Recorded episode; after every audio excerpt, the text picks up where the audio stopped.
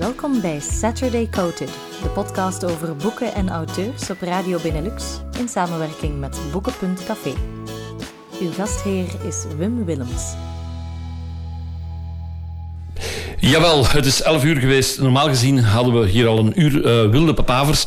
Maar uh, door het feit dat we om 10 uur um, niemand hebben aangenomen um, als gast want het is vandaag weer een hele speciale aflevering. Het gaat vandaag weer al over Champions League. Vorige week was Frans Wacollet hier. En nu is zijn goede vriend uh, Raf Willems hier. Want ja, Raf Willems die doet niks anders, denk ik, als boeken schrijven. Um, ik denk, uh, uh, goedemorgen Raf. Raf. Raf, ben jij de Brusselmans van de sport? wat, een, wat een vraag. ik ook niet en ik ben quasi kaal. Dus ik denk dat alle... En hij is een Buffalo supporter en ik een Club, Club Brugge fan. Ja, en dat gaat niet. Dus dan uh, gaan we alle vergelijkingen ongeveer op, denk ik. Ja, nu Raf, ja, je hebt uh, een paar weken geleden hier een boek komen voorstellen, de, uh, de, de beker met de, met de gouden oren. Grote oren. De grote oren, grote oren, ja.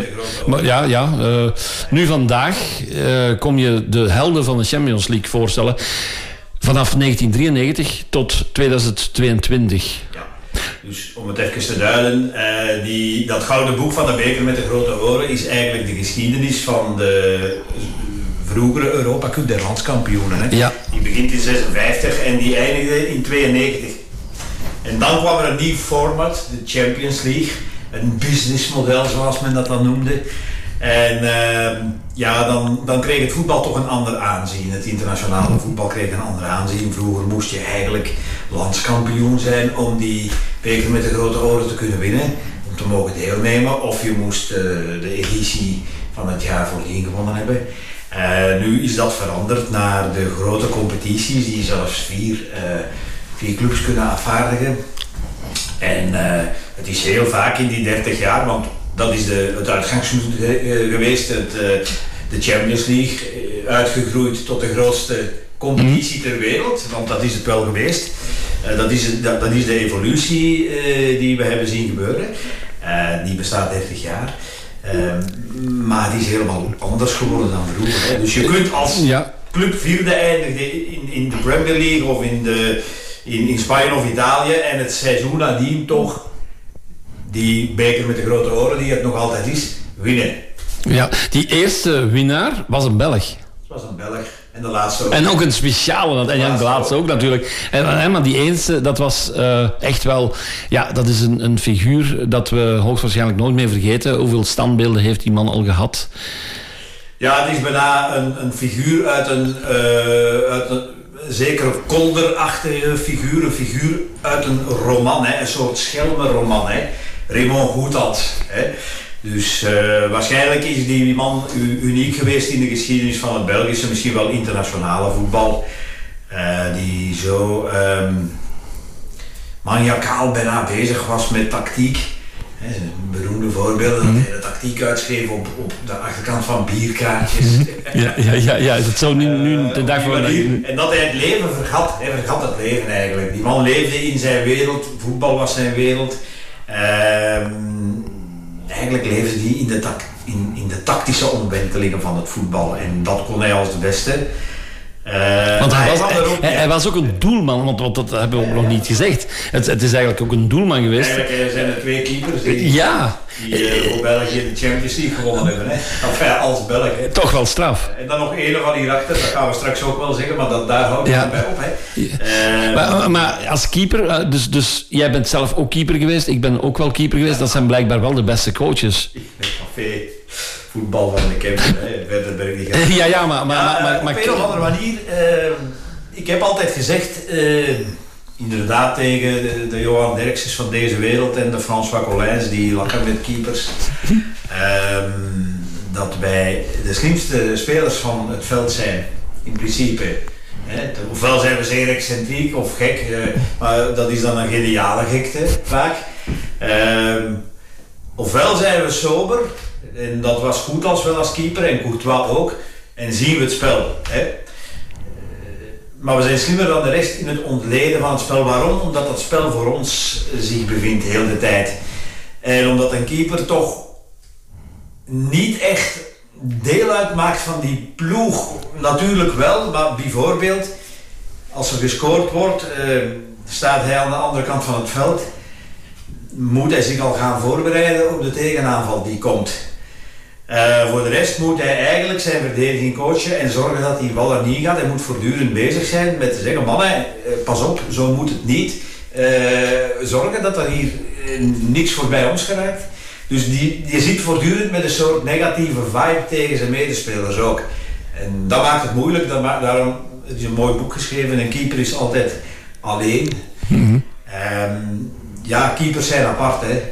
Maar is het niet veranderd? Want de keeper speelt tegenwoordig, ehm, ik weet niet, was het in 93 al, dat, de keepers meespeelden? want nu, als je nu niet meer kan meespelen... de, de Hongaren, Lev Yatsin heeft dat een beetje geïntroduceerd, onze oervader. De Hongaren in de tijd van, van Puskas uh, speelden echt zoals eerste. Dan Nederland met Cruijff heeft dat overgenomen, de vliegende keeper. Uh, want Bredon bijvoorbeeld was blijkbaar ook een goede spits. En Bodaar blijkbaar ook, omdat hij... Uh, ik, heb, ik heb wel eens... Uh, jij gaat dat beter weten. Dat, dat ze bij Standaard er echt wel op trainden. Zij, zij, moesten echt wel mee op training in die spits. Dat ze weten wat een... wat, wat, een spits, wat, wat een verdediger doet... Ja, Christian Pirot was een uitstekende penalty-trapper, bijvoorbeeld. Dus ja, keepers zijn uh, waarschijnlijk uh, methodisch veel meer bezig met het spel dan, dan een voetballer. Omdat wij niet anders kunnen. Willen wij functioneren in die ploeg? Willen wij het verschil maken? Ik zeg altijd maar wij. Maar goed, uh, wil een keeper het verschil maken, dan moet hij eigenlijk het spel ontleden, studeren, lezen. Veel meer dan een spits die dat op intuïtie kan doen, een doelpunt maken. maar een keeper moet voortdurend weten gaat je een bal naar daar, dan moet ik mij eigenlijk daar neerzetten. Uh, zie ik daar de bal vertrekken, moet ik tegen mijn, mijn, mijn, mijn rechtsachter zeggen, naar binnen gaan, bijvoorbeeld. Uh, een goede keeper commandeert, coacht. Daar, het woord zegt het zelf, een goede, een topkeeper coacht. En dat zal de reden zijn dat, uh, ja, dat keepers vaak ja. goede coaches zijn. Het is wel zo dat daar dan heel vaak eh, ook het verdedigende element uh, de bovenhand inhaalt. We zijn zelden avontuurlijk. Mm, mm.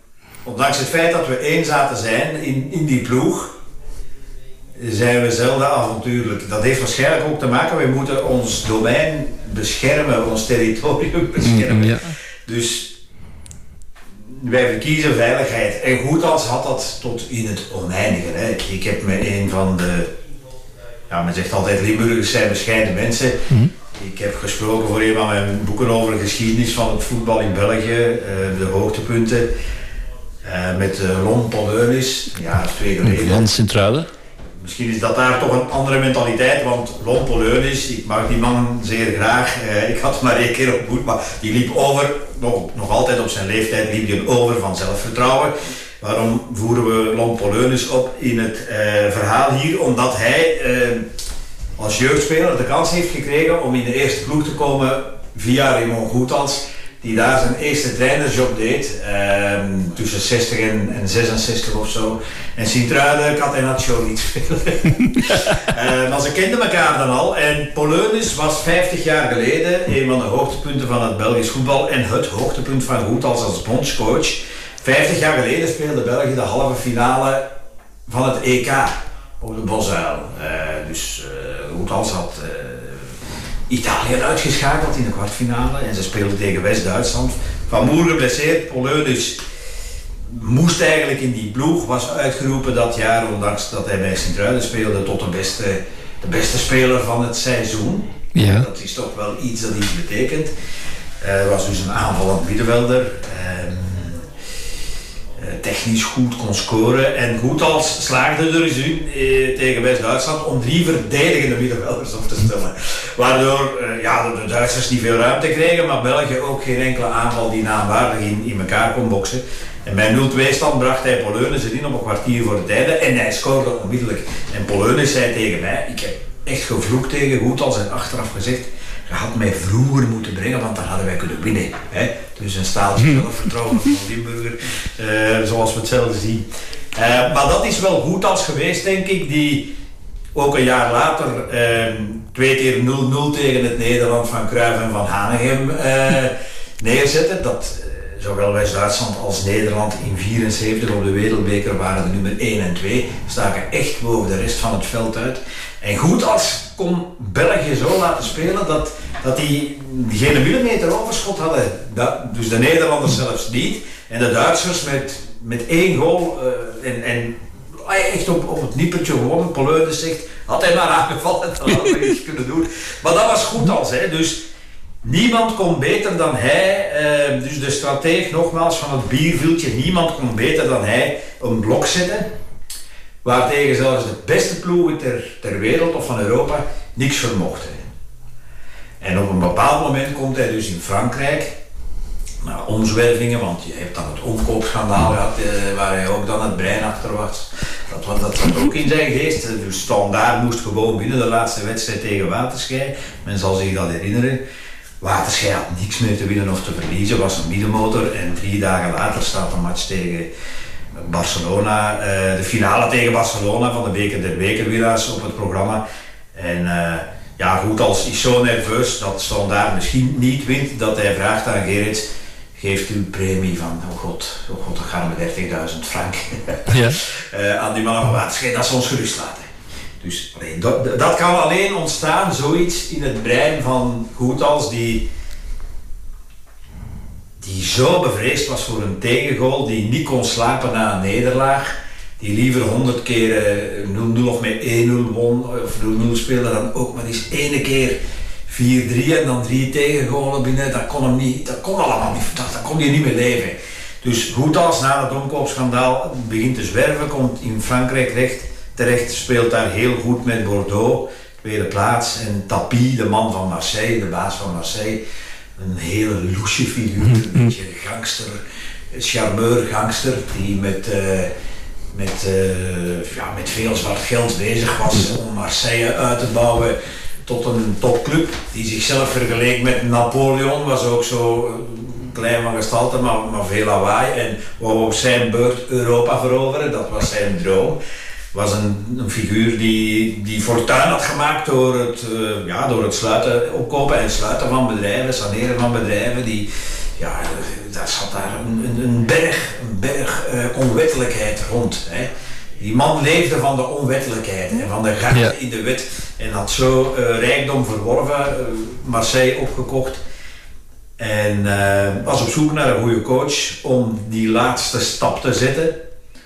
En hij vond goed als en goed als bracht hem dus in de finale in 91, toen nog Europa Cup der landskampioenen, tegen Rode Ster Belgrado, waar ze de grote favoriet waren, want zij hadden het AC Milan van Gullit en van Basten op dat moment de beste ploeg ter wereld, al een jaar of drie, uitgeschakeld. Hij zei altijd Gulik en Van Batsen. Hè. Hij was de meester van de, van de versprekingen. Hij deed dat waarschijnlijk enerzijds met opzet, want hij, dat waren de kwinkslagen waarmee hij zijn groep uh, achter zich kreeg. Maar anderzijds was dat ook zo 100% eh, passend bij hem, omdat hij zo, zo ja, overgeconcentreerd was. Enerzijds op de tactiek, maar ongeconcentreerd, nonchalant in het leven stond. Anderzijds dat, hij, dat ik mij 100% kan voorstellen dat hij dat niet met opzet deed. Hè? uh, maar hij was dus de man, hij was erin geslaagd om Milan, dat echt de nummer 1 van de wereld was al drie jaar, uh, te verslaan. En dan als favoriet tegen Rode Ster toch te verliezen naast afschoppen. 0-0, geen bal tussen de palen. Uh, maar hij kon het ook niet maken om te zeggen wij zijn hier de betere ploeg, we gaan aanvallen. En nee, dat durfde hij niet. Hè.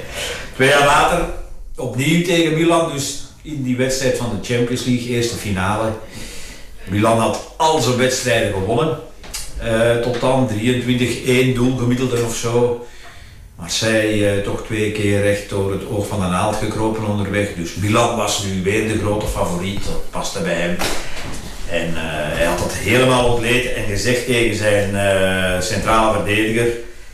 Op een bepaald moment ga jij naar voren bij een hoekschop, want daar ligt een zwak punt.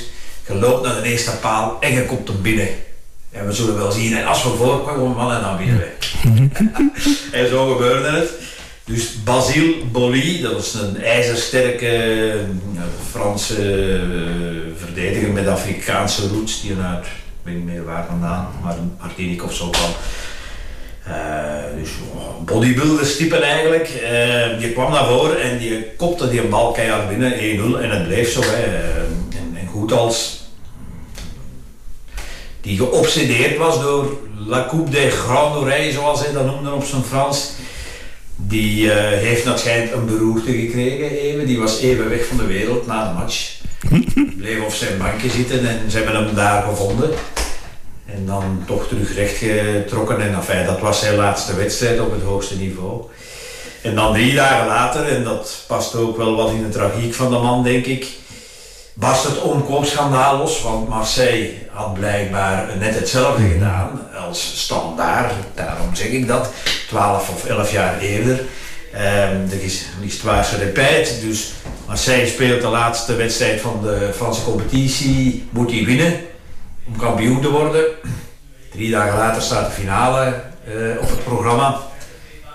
En er gaat weer iemand, een speler van Marseille, benadert de tegenpartij Valenciennes uit de kelder van het klassement. Dus was eigenlijk gewoon niks aan de hand. Marseille zal die wedstrijd zo ook moeten gewonnen hebben. Maar gaat drie spelers uh, benaderen om het rustig aan te doen. We kennen het verhaal. Ja, ja, ja. ja. Uh, allee, Tapie, Tapie is achteraf door de mand gevallen als eh, de, de, de meest corrupte figuur uh, uit de geschiedenis van het Franse voetbal. Maar de methodiek leek toch wel verdacht sterk op diegene die goed als dat toen was. Wij stonden daar 12 jaar of 11 jaar eerder. Uh, die mannen moesten dan de gevangenis in onmiddellijk. Dus de, de landstitel werd uh, afgenomen. Olympique de Marseille werd kaal geplukt. Moest naar tweede klasse. Uh, Tapie moest voor het gerecht. Hele directie is de norm ingedraaid. Goed als is daaraan ontsnapt. Maar er werd dan wel gezegd door een van die directeurs jaren later, gaf die dat toe, Tapie, die dus al een finale had gehaald, twee jaar eerder ook eens in de halve finale, was uitgeschakeld door scheidsrechter, scheidsrechterlijke dwalingen. Van Van Langenhoven, de scheidsrechter van bij ons. Marcel van Langenhoven, gekend hè? Die, die een, ja, een handspel, flagrant handspel van Benfica niet floot, waardoor Marseille geen strafschop kreeg en eruit ging. En toen zei Tapie, nu weet ik hoe het moet. Dus de directeur van Tapie, de rechterhand van Tapie, heeft uh, jaren later bekend voor de rechtbank. Ja, Tapie had een potje. We hadden een potje voor, uh, met geld, mm -hmm. met zwart geld. Dat diende alleen uh, voor Europese wedstrijden. En daar gaven wij de scheidsrechters gouden horloges. Maar is dat niet van alle tijden af? En vervolgens uh, bordeelbezoek mee. Ja, maar is dat niet van alle tijden? Ja, ja het schijnt dat Real Madrid ook zo bezig was in het begin uh, de, nu. van de Europa. Maar goed, maar, maar, als, enfin, Tapie, Marseille, uh, goed als presteerde het twee keer om het grote Milan te verslaan, want mm -hmm. niemand anders kon. En twee keer kreeg die amper een kans, hè. Maar werkelijk ja. niet, hè. Dus hij zit dat blok zo vast. Hij kreeg zelf Marseille, kwam ook niet vooraan, hè, maar de momenten dat ze dan toch een aanval en aan waarde hadden erop gezet, meestal stilstaande fase, hoep, ja. was ingestudeerd. Dan scoorden ze. Ja. Eh, de kwaliteit van Voetals was om betonvoetbal te spelen zonder al te veel brutaliteiten van zijn verdedigers. Want het, zo, het was niet zo dat die verdedigers per se eh, de ene brutale overtreding, zoals dat in Italië wel gebeurde, na de andere maakte. Maar dat was zo eh, elleboogje hier en knie daar. En ja, zonder dat het opviel, spel stilleggen, uh, die stijl meer. Maar ook wel een slimme opstelling. Uh, goed als hield wel, of maakte zijn verdedigers slim. Ja. En die, daar moeten gaan staan. Mist Paris Saint-Germain dat niet, zo'n trainer? Want zij willen ook de Champions League winnen. Ben goed als zouden zijn dat gekund hebben. Ja, uh, hij wist dus, maar hij, trouwens, dat is toch de grote vraag die, ja, nogmaals, ik zeg het, goed als past, hoort thuis in, de, in, de, in een Schelmenroman. Hè. Ja. Uh, een middeleeuwse schelmenroman of, of zo'n verhaal van Honoré de Balzac, hè, zoiets. Hè. Dat is echt een, een figuur uit een roman hè, die, je, die je in het leven waarschijnlijk nergens zou gestaan hebben of misschien wel in de goot zou geëindigd hebben zonder dat voetbal. Maar in dat voetbal was hij natuurlijk uh, wereldtop. Maar, op zijn manier. Ja, maar ik kan me voorstellen als hij ergens binnenkwam, dat iedereen met hem aan het, uh, ja, aan het lachen was. En, en dat hij, en, hij kon dat ook. Hè. Ja, dat, dat, dat, was zijn manier om zichzelf, zichzelf te beschermen, denk ik. Hè. Een zwaans kan eerder in zijn dingen knijpen, in zijn mond, allee, in, ja. in zijn mond knijpen, um, op de rug kloppen, zwansen, uh, mopjes stappen, mee gaan kaarten. Eigenlijk over niks het hebben. Maar zo schermde hij zich ook af. Ja. Uh, en liet hij, liet hij weinig mensen toe. Want hij won ook altijd met heel kleine cijfers. Ja. Uh, als je hem nu moet uh, vergelijken met Mourinho, want dat is ook zo'n zo trainer. Um, hoe zie jij dat dan? Wel, Mourinho en Goethals uh, delen misschien dezelfde negatieve voetbalfilosofie, maar daar houdt de vergelijking toch op. Mourinho is een soort intrigant. Mm. Of in, in, in, intrigant, ja. Goed als niet. Dat was altijd goed lachs natuurlijk. Hè? Goed als was goed lachs, denk ik. Wenste niemand iets verkeerds toe in het leven. Uh, werd het uiteindelijk overal graag gezien. Uh, ja, Mourinho doet, doet, niet anders dan stoken. Hè? Dus ja. die, allee, die, die haalt uh, tegenstanders uit hun verband door onwaarheden te verkondigen vooraf. Ehm, ja, Mourinho is in wezen een, een slecht karakter. Um, en het verschil met Goethals is wel dat Mourinho altijd uh, de duurste selecties ter beschikking heeft en er dan zoiets van maakt. Terwijl Goethals vanuit de underdog-positie probeert de betere tegenstander uh, te hmm. verslaan. Mourinho gaat net, is de duurste coach ter wereld geweest, gaat overal bij clubs uh, waar het geld door, dankzij hem op zijn vraag ook nog eens door uh, deuren en westers wordt gegooid. En maakt dan iets dat niet om aan te zien is. Klopt. Dus in zaken negatieve eh, filosofie lijken zij op elkaar, maar niet als persoon. Dat is wel een verschil, vind ik. Ja, goed. Um, want we gaan nog eens naar muziek luisteren, maar eerst toch nog die vraag. Was Marseille de verdiende winnaar? Voor jou? Uh, in wezen in die finale wel, omdat zij Milan geneutraliseerd hebben. Uh, nogmaals, dat kon enkel goed als, want ondanks het feit dat Marseille een ploeg bij elkaar gekocht had met het geld van Tapi, hadden zij toch uh, niet anders gekund dan hun beste speler van die jaren daarvoor, die in België ook bekend is omdat hij ja, bij Club Brugge had gespeeld en daar doorbrak, Jean-Pierre Papin. Ja. Uh, ze waren gedwongen om die te verkopen, om de balansen in evenwicht. Zelfs Tapi moest de balansen in evenwicht houden en moest Papin verkopen aan Milan. en Papin zat op de bank uh, omdat hij geblesseerd was. En zij ook dan weer vijf jaar later, ja, uh, om een wedstrijd om te kopen, hebben de minstens drie spelers nodig van de tegenpartij. Met één lukt dat niet. En uh, de finale van Marseille-Milan, zo is het gegaan. hij heeft geen namen genoemd, waarom hij het ook vijf jaar later pas zegt, want dat werd dan verteld in een interview door hem.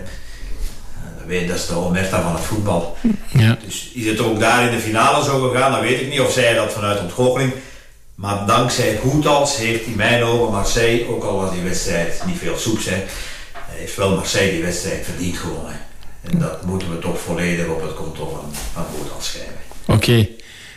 We gaan eens luisteren naar Our House van uh, Crosby, Still, Nash en Young. Ja. Waarom dat?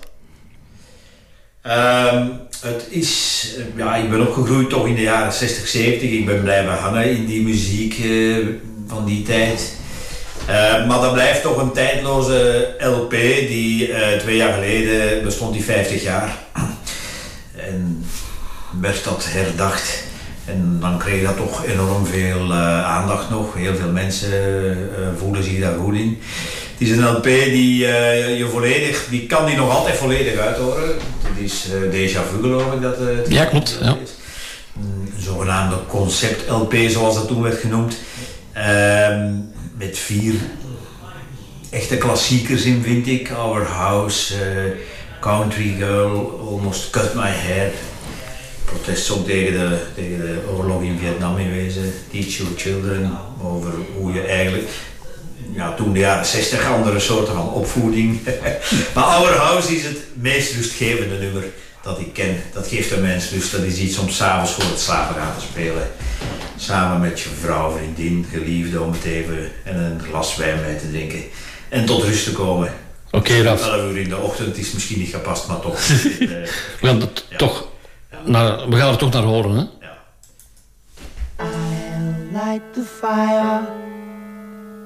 You place the flowers in the vase that you bought today. Staring at the fire for hours and hours while I listen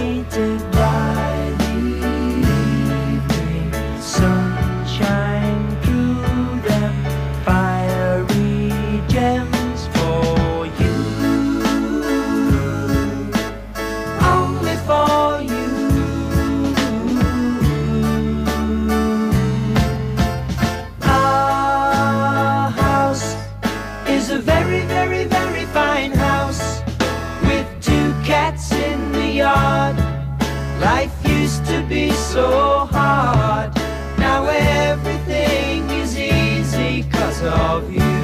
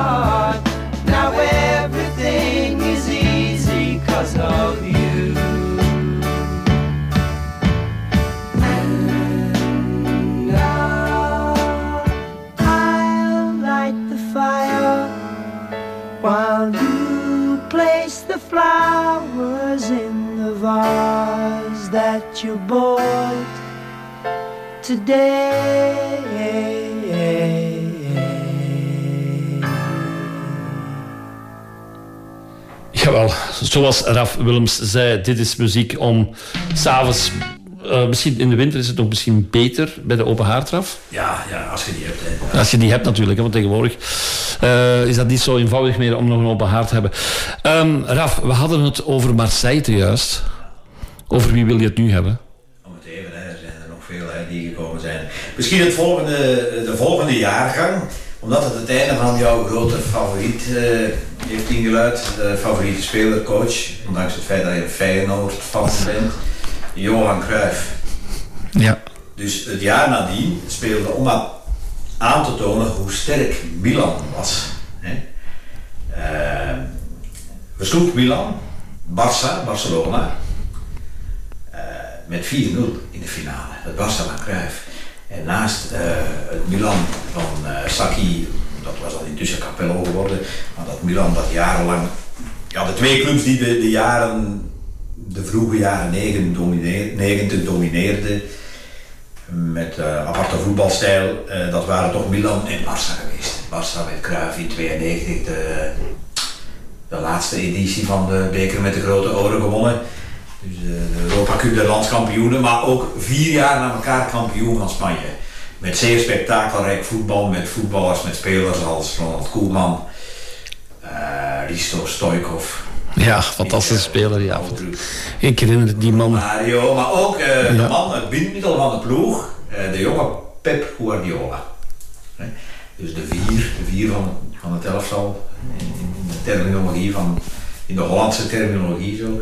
Dus de man die tussen de verdediging en, en de aanval evenwicht verzorgde. Op een bepaalde manier niet als brekende speler, nee. zoals het heel vaak is, maar als vanuit voetbalintelligentie.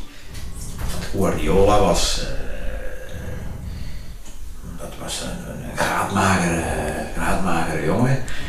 Die, uh, als je daar uh, tegen blies, dan viel hij omver als het ware. En die werd nergens geaccepteerd. Die kon technisch goed uit de voeten, maar geraakte om een of andere reden niet voorbij het B-elftal van Barça. was iemand die uit de jeugdopleiding kwam met de Masia. Maar zat daar, op zijn twintigste stond je nog niet in de selectie en Cruijff had op die positie iemand nodig. Het was jaren geleden ook dat Barca nog het kampioenschap had gewonnen, een jaar of vijf. Eh, ze zaten eh, eigenlijk te sukkelen. Cruijff zat ook een beetje met zijn handen in het jaar. We praten nu over 1990, aan het begin van de cyclus zo. Hè. En dan... Uh, op het B-veldje van Barcelona naast het grote stadion kan mm -hmm. gingen kijken en zag hij zo die slungelachtige Pep, Pep Guardiola rondotsen, zo wat versloffen op het veld.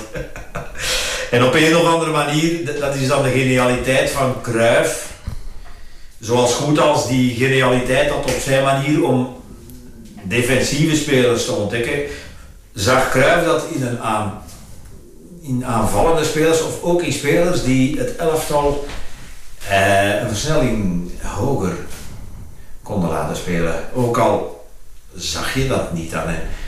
Uh, of later was dat met Xavi en Iniesta. Als je die tegenkomt, dan denk je, wat zijn dat Dat zijn dreumissen, dat zijn toch geen voetballers. Dat, zijn misschien mini-voetballers, maar dat zijn op een veld en je ziet die niet staan. En dat was zo ook met Guardiola en, en Cruyff ontdekt dan in een oefenpartijtje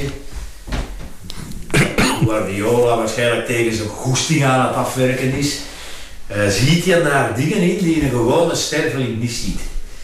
En dat is de genialiteit van Cruijff. Hij ziet daarin, dat is de man die ik nodig heb om mijn voetbal te laten spelen, dat heel, heel moeilijk is, veel moeilijker dan, dan het defensieve concept van Goethals, want ja, uh, ik zeg altijd ook caféploegen kunnen defensief voetbal spelen, dat, je moet niks creëren. Je moet je, spelers op de juiste positie zetten en die mannen in de weg laten lopen als het ware. Dat is een beetje simplisme.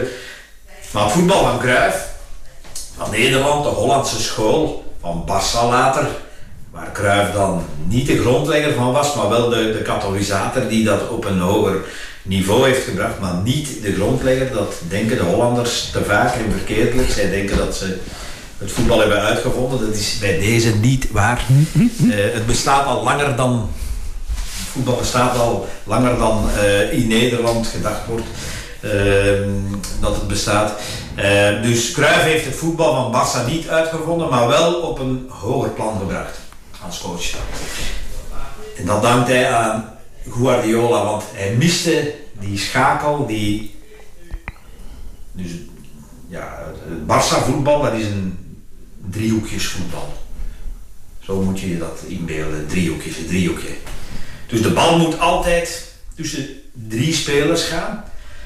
Die spelers moeten de juiste positie innemen op het veld. Wat vaak over een centimeter gaat. Dat is het moeilijkst denkbare en eigenlijk ook het vermoeiendste. Men denkt altijd, ja Barça die lopen niet, die lopen inderdaad niet. Um, Boah, die, die, fysiek zijn die niet klaar. Ik daag je uit om dat te doen. Dat is volgens mij fysiek, maar ook mentaal het moeilijkste om altijd die juiste positie in te nemen.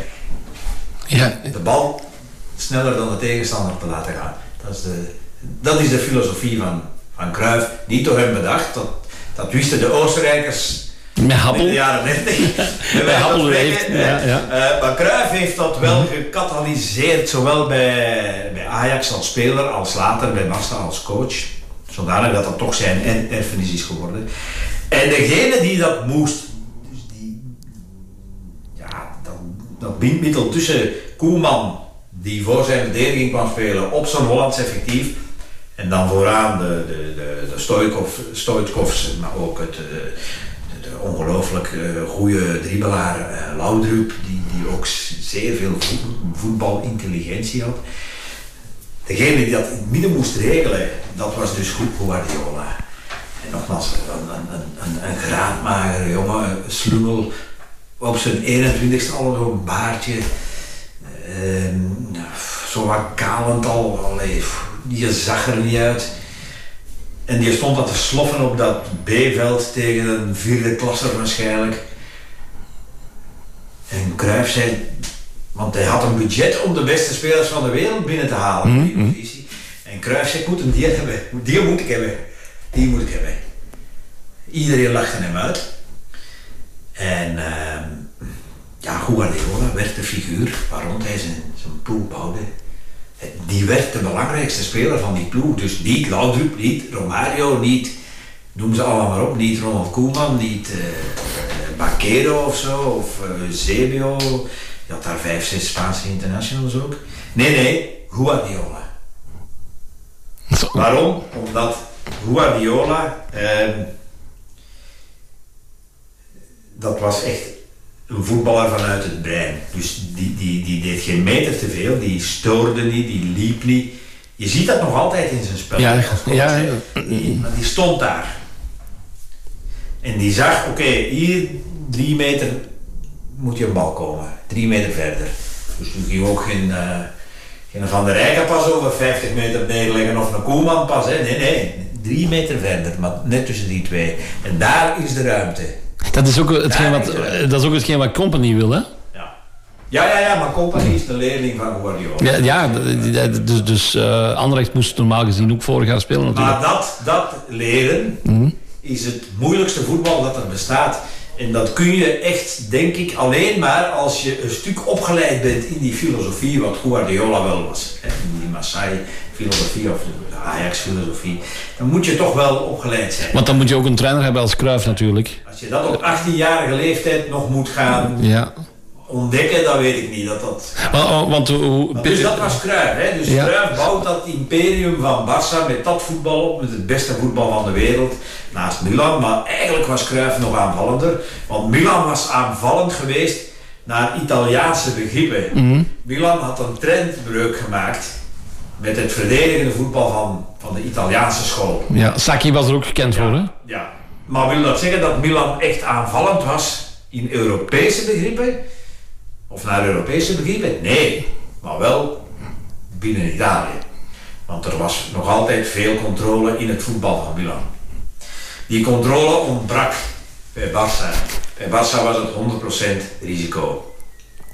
En door het feit dat ze dat driehoekspel onder de knie hadden, door het feit dat ze zo'n goede spitsen hadden. Eh, want de spitsen van Barça toen waren anders dan later, maar daar zullen we straks op ingaan. De spitsen van Cruijff waren eh, individualistische spelers. Die eh, een ongelofelijke beweging konden uitvoeren die niemand anders kon. Stoichkov deed dingen die vanuit zijn temperament. Laudrup vanuit een intuïtie. Romario zat tussen die twee. Eh, maar die deden hun zin. Ze moesten alleen de bal krijgen. En die bal werd, opge ja, die bal werd hen geleverd vanuit de driehoekjes eh, filosofie eh, van Cruijff en Barça. Die dan naar het hoogste punt werd gebracht. Die eigenlijk voor de eerste keer werd ontwikkeld dankzij Guardiola. En Cruijff en Guardiola, of Cruijff en Barça, waren vier jaar eh, eigenlijk het eh, spectaculairste eh, elftal van, van Europa. Ehm, had dus in 92 de finale gewonnen, had in 91 toen hij ook al eh, kampioen werd. de finale van de beker voor bekerhouders verloren toen. Maar ook al, dus op vier jaar tijd komt hij drie keer in de finale. En Milan, het Milan van 94, van Capello, dat was helemaal teruggekeerd onder druk van de omstandigheden naar de oude, de oude Italiaanse stijl. Want ehm, Van Basten was geblesseerd. Uh, had zijn laatste wedstrijd, want dat wist men toen nog niet, in de finale tegen Marseille gespeeld. Zijn laatste minuut eigenlijk. En was geblesseerd. Uh, heeft geen, geen seconde gevoetbald dat seizoen. Uh, Gullit was ook onder druk van blessures was uitgeleend naar Sampdoria, dus die was er ook niet meer bij. En Rijkaard... Was, ik zie wel, hè, ja. Dus de Hollanders, de drie uh, topspelers, uh, die het aanvallende uh, element bij Milan hadden binnengebracht, die waren vertrokken. En ze teerden volledig op de kwaliteitenklasse van het duo Maldini-Baresi. Dus echt... Maar was het misschien geen voordeel voor AC Milan? Want uh, Cruijff kende die drie heel goed. Stel dat Van Basten erbij was geweest, uh, dan, dan had hij dat wel ontrafeld, denk ik. Maar Milan speelde uh, terug zeer defensief voetbal. bijvoorbeeld twee keer gelijk, geloof ik, tegen Anderlecht. Ja. Eén keer in een relatief zwakke groep. Ehm, hadden ze het gehaald vanuit berekening. Met de hakken over de zout. Barça liep over iedereen heen, won alle wedstrijden, of bijna alle wedstrijden met groot verschil. Cruijff deed heel smalend over Capello een paar dagen voor de finale. We, we noemden dat uh, een miserabele ploeg. Hmm. Miserabel voetbal. Maar zo keek ook de publieke opinie, de media, keken ook op die manier naar het voetbal van Milan en iedereen verwachtte uh, Barça gaat met de vingers in de neus uh, winnen, want een paar dagen daarvoor hadden ze ook uh, alweer voor de vierde keer op rij dus het Spaanse kampioenschap gehaald. Ehm, het werd het compleet tegenovergestelde. Hè?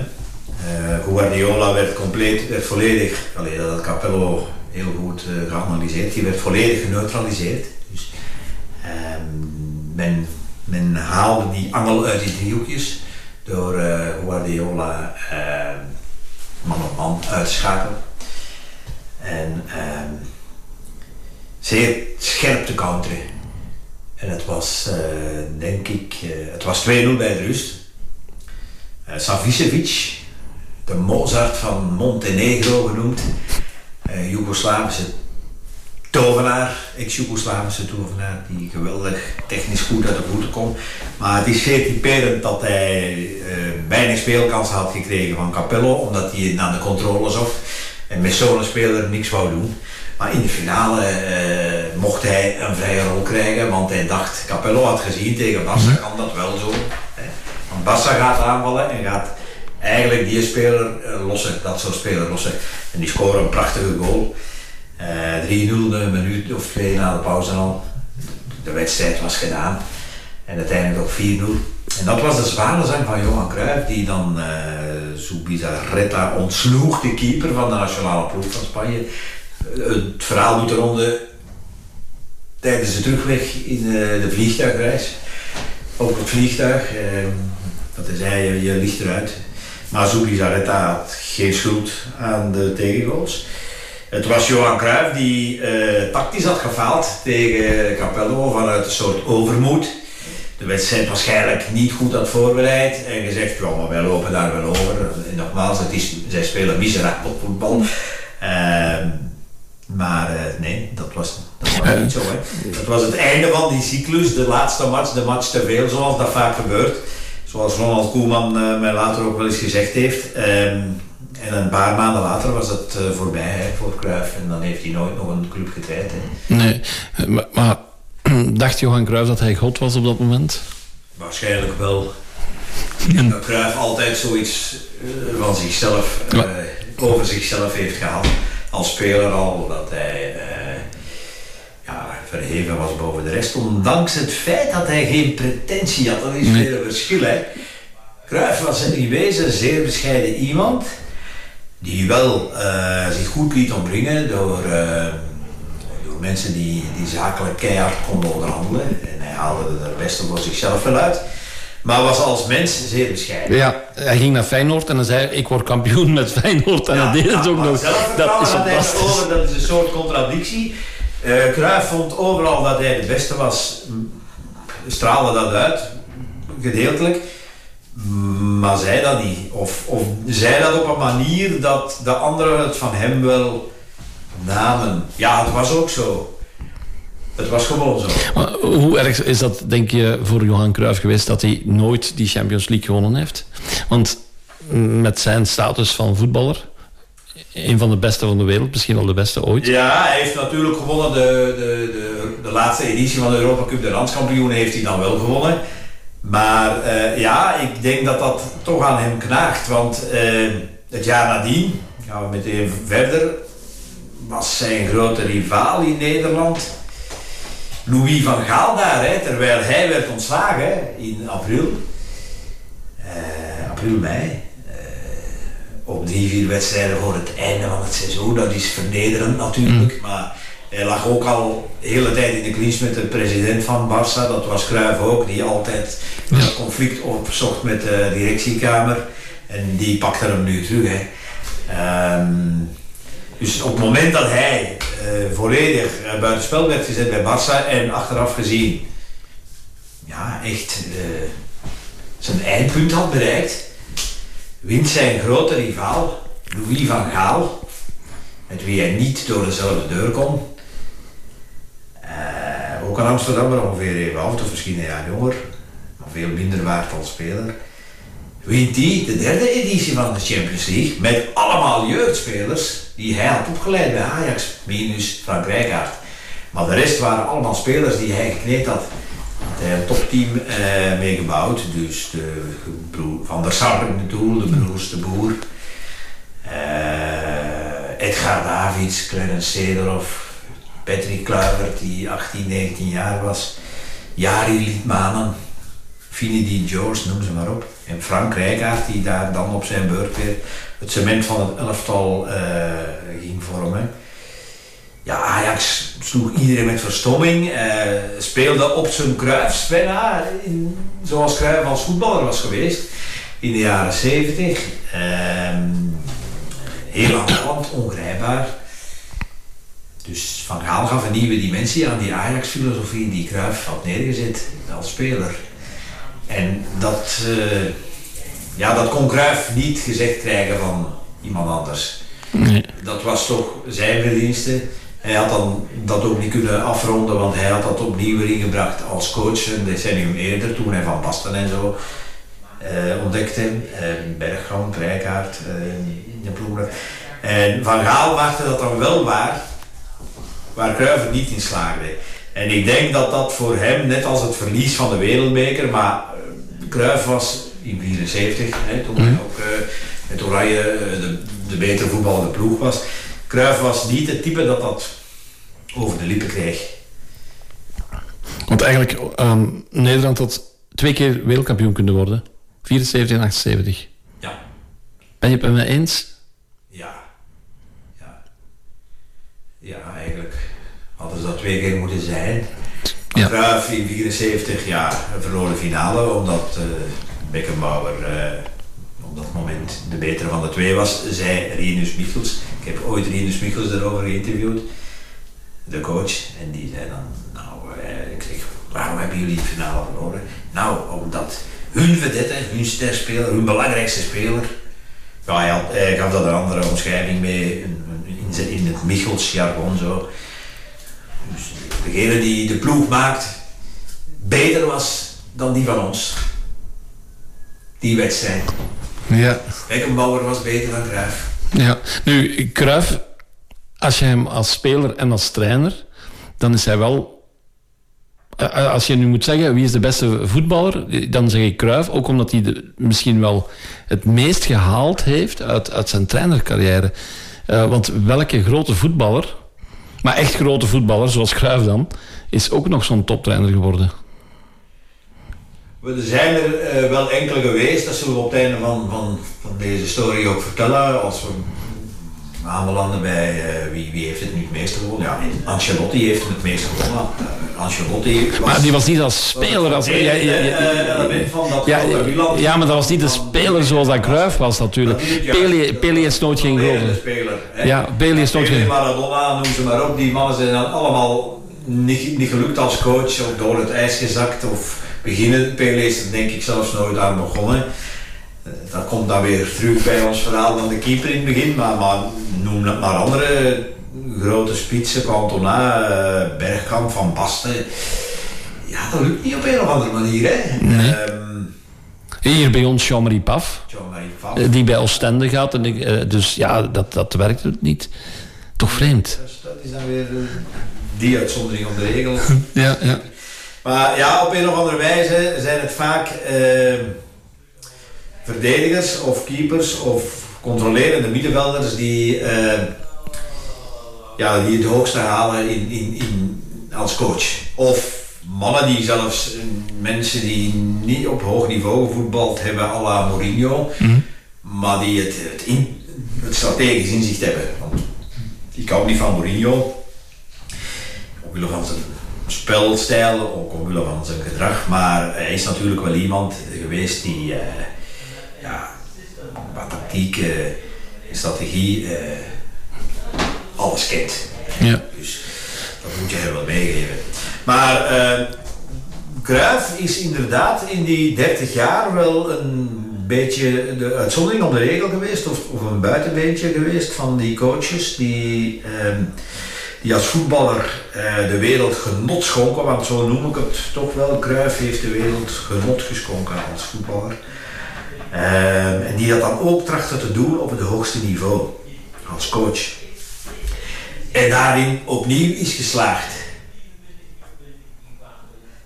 Daarin is hij toch uniek, want Pep Guardiola heeft ook eh, als coach de Champions League gewonnen met heel mooi spel. Maar je ging niet naar het stadion om eh, de slungel Pep Guardiola te zien spelen. Hè? Zoals we hem daar net hebben neergezet om hem wel eh, de eerste voorzet van een driehoekje te zien uitlokken. Maar dat waren dan ja, eh, passen zo over twee meter of drie meter en, en, en scheef getrapt. Hè? Eh, allee, ja, dus eh, aan de speler Guardiola was niks aantrekkelijks. Ehm, en, ja, Cruijff werd vergeleken met een balletdanser, dus ja, je ging voor... Cruijff is een van de mooiste voetballers qua spelstijl, samen met George Best, geweest uit de geschiedenis van het spel. Hè. En Cruijff stond natuurlijk nog een, echt op de hoogste treden. Hè. ja. En hij deed dat opnieuw met, met Barça als coach. En wat zijn hoofd, ja, zijn hoogtepunt, en hij was daar 100% van overtuigd volgens mij, wat zijn hoogtepunt dat moeten worden, die, die finale van 94. Milan verslaan, maar niet zomaar verslaan. Met twee of drie goals winnen en echt, ja, Milan was teruggekeerd naar Catenaccio-stijl. En hij met zijn, met zijn eh Barça-filosofie, gebaseerd op de Hollandse school, hij wou het voor het oog van de wereld daar is tonen. Oké. En eh, dat is niet gelukt. Raf, nog wat muziek. De Chivols en daarachter eh, Roy Orbison. Is dat goed voor jou? Ja.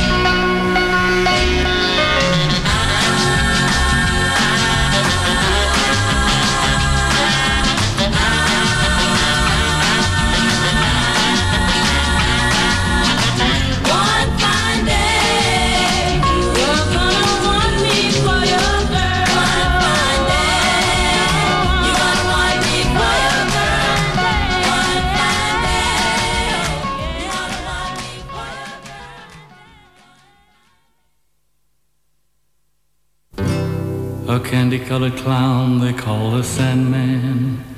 Tiptoes to my room every night. Just to sprinkle stardust and to whisper, Go to sleep, everything is alright. I close my eyes, then I drift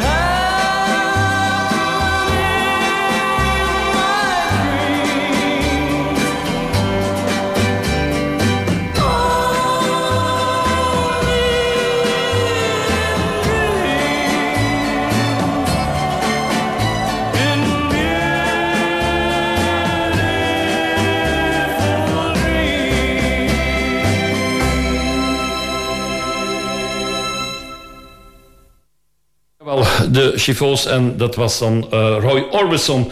Wa- waarom die twee? De Chiffons bijvoorbeeld, want dat is eigenlijk mijn... Ja, als er nu één vrouwenband is eh, uit de jaren zes- 60, dan zijn het wel de Chiffons die ik eh, als favoriet aanduid, Raf.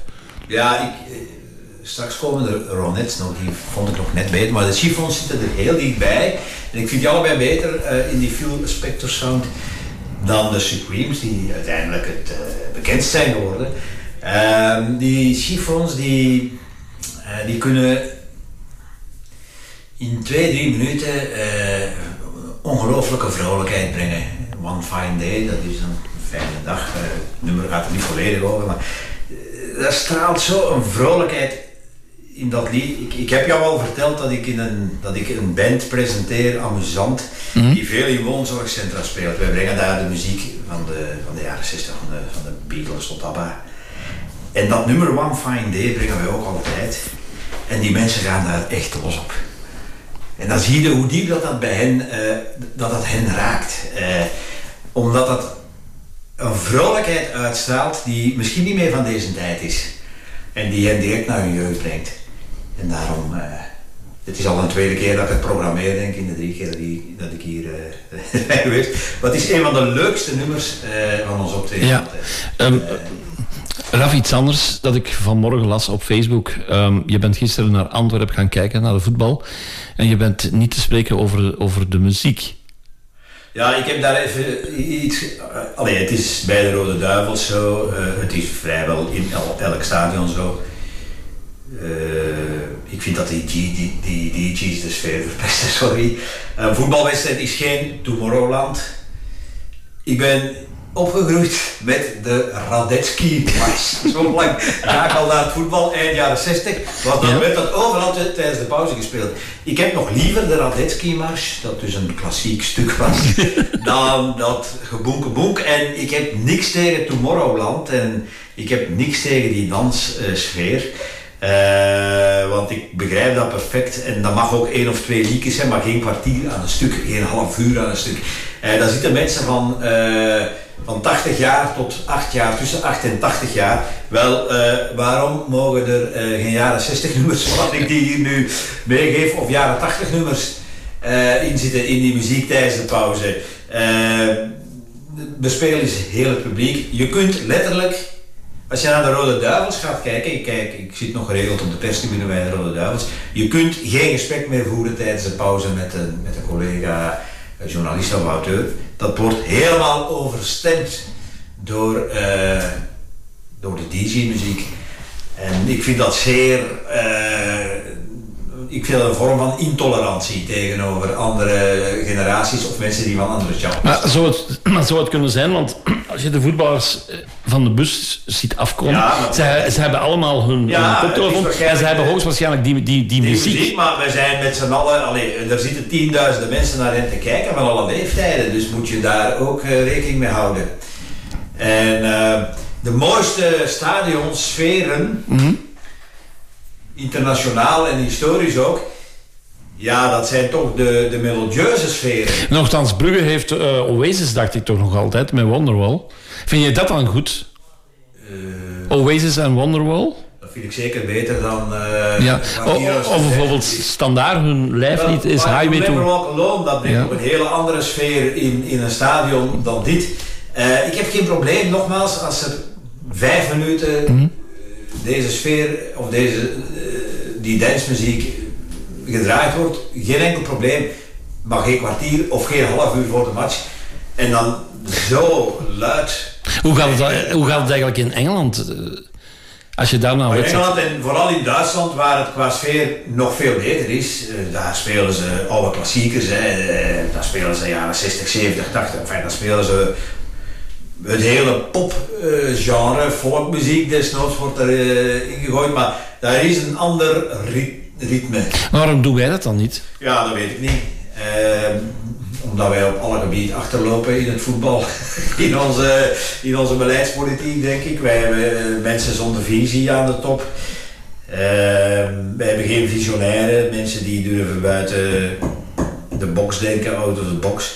Wij hebben geen mensen die, eh, die het complete plaatje van wat, eh, wat een voetbalnamiddag of avond eigenlijk betekent zien. En ik geloof ook niet dat dat er ooit van komt. Ik eh, ben daar zeer Maar heeft het, kan, kan het ook te maken hebben, want jouw, jou- jouw vriend, collega, François Collet was vorige week hier. En ja, die zegt het voetbal is veel te commercieel geworden. Zal het daar ook mee Ja, dat kunnen te zal maken zeker een onderdeel zijn, maar eh, de, de essentie is dat het in België ontbreekt aan voetbalcultuur. Wat is voetbalcultuur? Bezighouden met het erfgoed eh, van een club, dat gebeurt niet. Dat is in de landen rondom ons gemeengoed, maar bij ons niet. Eh, wat is voetbalcultuur? Ehm, ja, dingen erin stoppen zoals eh, kijken wat is de sociale betekenis van een voetbalclub. Want ondanks het feit dat die Champions League door sommigen zelfs topcoaches een gedrocht wordt genoemd en inderdaad alleen zich richt op de, de commercialisering, is misschien net daardoor er een tegenbeweging ontstaan bij veel supporters die, die daar nieuwe, nieuwe dingen in brengen van wij willen ten eerste bezighouden, ons bezighouden met, met het verleden van onze club. We willen ons bezighouden met de sociale component van het voetbal die echt wel bestaat. Wij willen ons bezighouden met, met vrouwen, eh, met rechten voor vrouwen, eh, met jeugdopleiding, met, met, eh, met, met goede muziek of culturele uitingen, theater, dans. Er zijn clubs die bezig zijn met een musical te maken over hun geschiedenis, met dansopvoeringen. Maar dat veel breder is dan alleen maar Tomorrowland. Zo noem ik nu maar even oneerbiedig, want alle respect voor Tomorrowland. Het is niet mijn stijl van muziek, maar die hebben veel evenveel recht als, om te bestaan als de rest. Maar ze hebben het helemaal ingepalmd op het voetbal en dat is gewoon Klopt, want fout. eh, maandag waren de Rolling Stones hier. Ja. En ik heb nog niemand eh, een negatieve reactie horen zeggen. En daar waren ook toch, denk ik, 50.000 man. Ja, wel ja, breng hem voort. Rolling Stones, Beatles, chiffons in eh, het stadion. Breng melodie in het stadion. Eh You'll Never Walk Alone is, daar, is natuurlijk een universele song geworden die mensen vrijwel overal eh, kippenvel doet krijgen. Maar er zijn ook nog andere melodieuze nummers die je kunt brengen.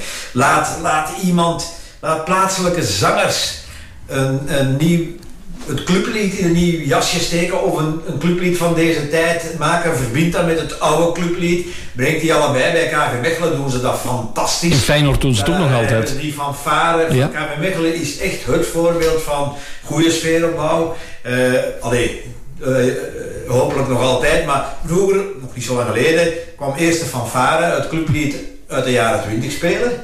Eh, toen Malling wat vooruit. Heel die tribune kent dat van buiten, zingt dat mee.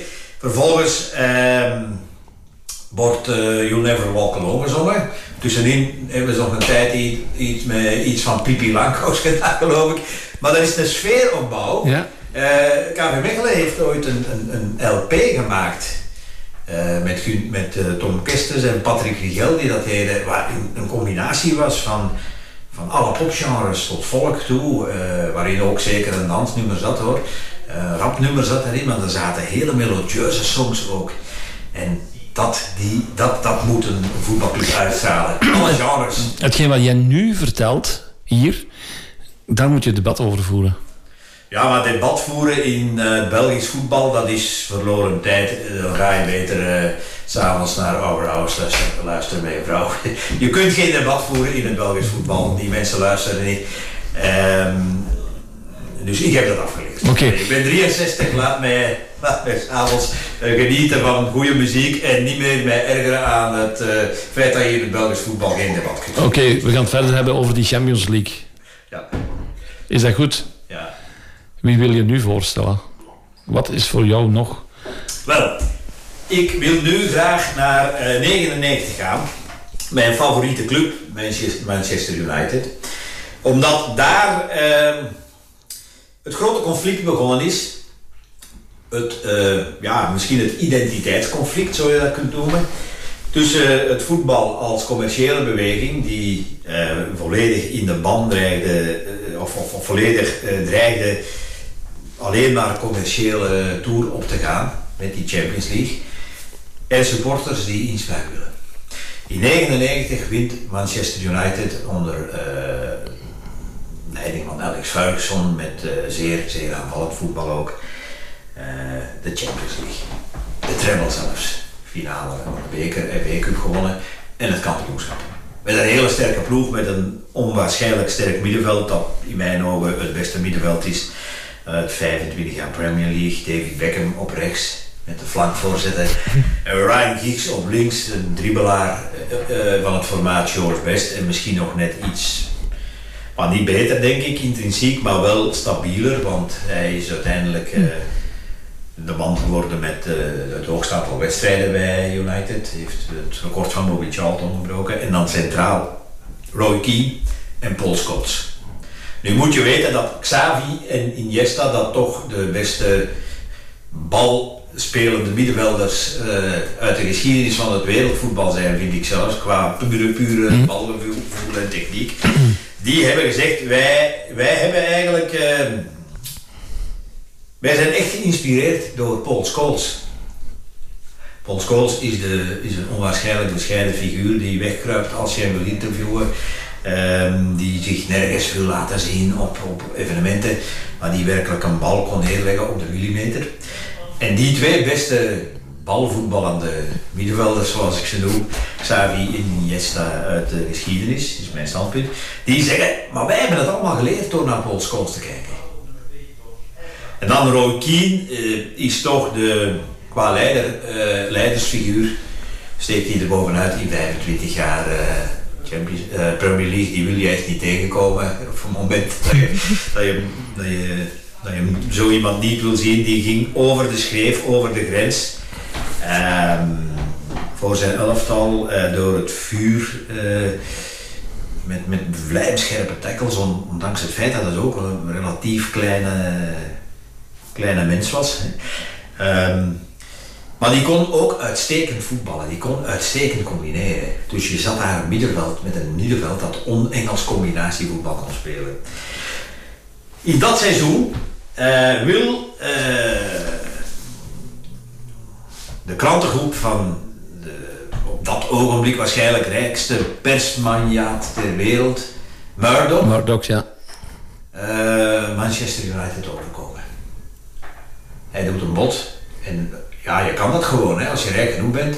Het systeem van de Premier League club zit zo in elkaar, dat, dat is in Duitsland helemaal anders. Maar je kunt gewoon een club overkopen, eh, als je dat wilt. Daar is een protestbeweging ongelooflijk tegen ontstaan. Ehm, The Guardian als krant, stamt uit eh, Manchester, eh, zetten zich daar helemaal achter. Dan had je een, eh, een, supporter, de onafhankelijke supportersfederatie, IMUSA, Independent Man- Manchester United Supporters Association, die los stonden van de club. Die, die, die 50, 60, 70.000 mensen groepeerde. En dan had je ook nog eens een batterij aan eh, intellectuelen en, en vooral ook advocaten die, eh, die, en politici, mensen die dus ja, eh, tot op het beleidsniveau mogen gerekend worden, die alles uit de kast hebben gehaald om dat te verhinderen. En in april was het het uur U. eh, sloeg het uur U, eh, want dat moest dan goedgekeurd worden voor een eh, centrale commissie van overnames van, van de overheid van, van Engeland. Er waren al parlementaire debatten over gevoerd, want zo gaat het in Engeland. Ehm, en talrijke demonstraties met duizenden mensen. En dan was er een grote persconferentie ehm, waaruit bleek dat ehm, degenen die namens Murdoch kwamen, amper drie spelers van United, ik ga het even eh, citeren als het mag, amper drie spelers van United konden opnoemen. Dus die vielen daar compleet door de mand. En ehm, daar werd dan de unieke eh, one-liner door de, de woordvoerder van eh, de supportersfederatie de wereld ingegooid, die eigenlijk de, de, de, de gaf aan het voorstel van Murdoch en zijn commerciële televisiezender eh B Sky B. Hè. Dus ik ga die even met jou goed Doen vinden. Ja, ja, tuurlijk, tuurlijk. Dus wat zij dan op die eh, persconferentie, waar eh, de hele wereld stond toe te kijken bij wijze van spreken, B dacht waarschijnlijk, dus ik citeer hem, hè, dat de Neville Brothers, dus Phil en Gary Neville, die speelden in de eerste ploeg toen, een Chicago bluesband is, want dat waren Amerikanen, hè. Ja. Eh, Best Law en Charlton, de Holy Trinity van Manchester United, met een standbeeld voor het stadion uit de jaren 60. hè, die alle drie de, de gouden ballen hadden gewonnen. Een advocatenbureau op Manhattan. En King Eric, Eric Cantona, de grote, Mhm, ja, ja, ja. grote speler van de Ja, die- jaren die was 90. er ook bij, ja, Een klopt. IJslandse condoom. en een citaat. Eh, na veel juridisch getouwtrek en politiek lobbywerk besliste de Engelse anti-monopoliecommissie, want zo werd dat genoemd, april 99 in het voordeel eh, van aandeelhouders en supporters, omdat het bod slecht was voor het voetbal, voor de televisiekwaliteit en voor het algemeen belang. Coach Ferguson verhinderde op zijn manier de paleisrevolutie door te zeggen, I'm neutral. Ja, die stond daar tussen die twee partijen in, moest verder met zijn ploeg als de anderen het zouden overkopen, maar niet op zijn manier dus weten, eh, ja, niet met mij. Hè. Ferguson had een eh, verleden in, eh, als syndicalist en op de scheepswerven van Glasgow en steunde ook openlijk de Labour Party, die toen na jarenlang eh, eh, Thatcherisme en conservatief beleid terug met Blair aan de macht kwam. Dus ook de invloed van Blair zal zijn rol gespeeld hebben toen. Dat was april 99, die grote overwinning van de supporters en aandeelhouders. En een maand later, mei 1999, hadden ze eh, de eerste week van mei de, de Engelse beker gewonnen, de tweede week van mei, eh, het kan ook omgekeerd zijn, de landstitel. En dan, ehm, ik geloof op de geboortedag van Sir Matt Busby, 26 of 29 mei, de grote legendarische Ja. coach en voorganger van Ferguson, in het stadion Camp Nou eh spelen ze de finale eh, tegen Bayern München. Maar, ik heb het net gezegd, niet voor niks, dat grote middenveld, dat beste middenveld uit de geschiedenis van 25 jaar Premier League, was gehalveerd omdat Scholes en Keane in de halve finale tegen Juventus, het Juventus van Zidane, na een 1-1 uitslag eh, op Old Trafford, staan die met 2-0 achter United na een kwartier. Ja, wedstrijd gedaan denk je dat. Maar Scholes en Keane hebben zich daar overtroffen. En United wint met 2-3 en plaatst zich heel verrassend voor de finale. Maar die mannen krijgen een tweede gele kaart. En zijn dus eh, geschorst voor de finale. Het centrale windmiddel van, van de ploeg valt weg. Ferguson moest Beckham dan eh, in, in die as gaan zetten, wat hij niet kon. Dat betekent dat drie van de vier eh middenvelders niet meededen. Eh, Bayern wordt, komt meteen voor met 1-0 na 7 minuten of zo en, en speelt United eigenlijk van de mat tot het laatste kwartier. Lothar Matthäus, die een hele goede partij speelt, gaat arrogant, want was een beetje geblesseerd en denkt, oh, het is hier in orde, Dus ik laat mij vervangen. Maar op dat moment eh, valt Bayern als een pudding eh, in elkaar, omdat Matthäus weg was. In de laatste minuut, je weet waarschijnlijk hoe het afgelopen is, krijgt eh, United een Ja. corner. Schmeichel spuurt naar voren, de keeper, die daarvoor nog twee of drie formidabele reddingen had gedaan. Spuurt naar voren, begint daar wat te springen in het eh, strafschopgebied. Beckham met zijn specifieke curve draait je een bal ongrijpbaar voor iedereen en je valt voor de voet van Sheringham en die 1-1. Drie minuten later, in blessure, dus iedereen denkt verlengingen. Maar United Ja, Engelsen zijn altijd, om winnen altijd. Ja, ja, ja. En niet op zekerheid, eh, goed als ze gezegd hebben, alles dicht nu. Hè. maar vrijwel elke ploeg, behalve misschien de Nederlandse, zouden gezegd hebben, eh, zekerheid, verlengingen. We hebben hier de hele wedstrijd eh, afgezien, achterna moeten lopen.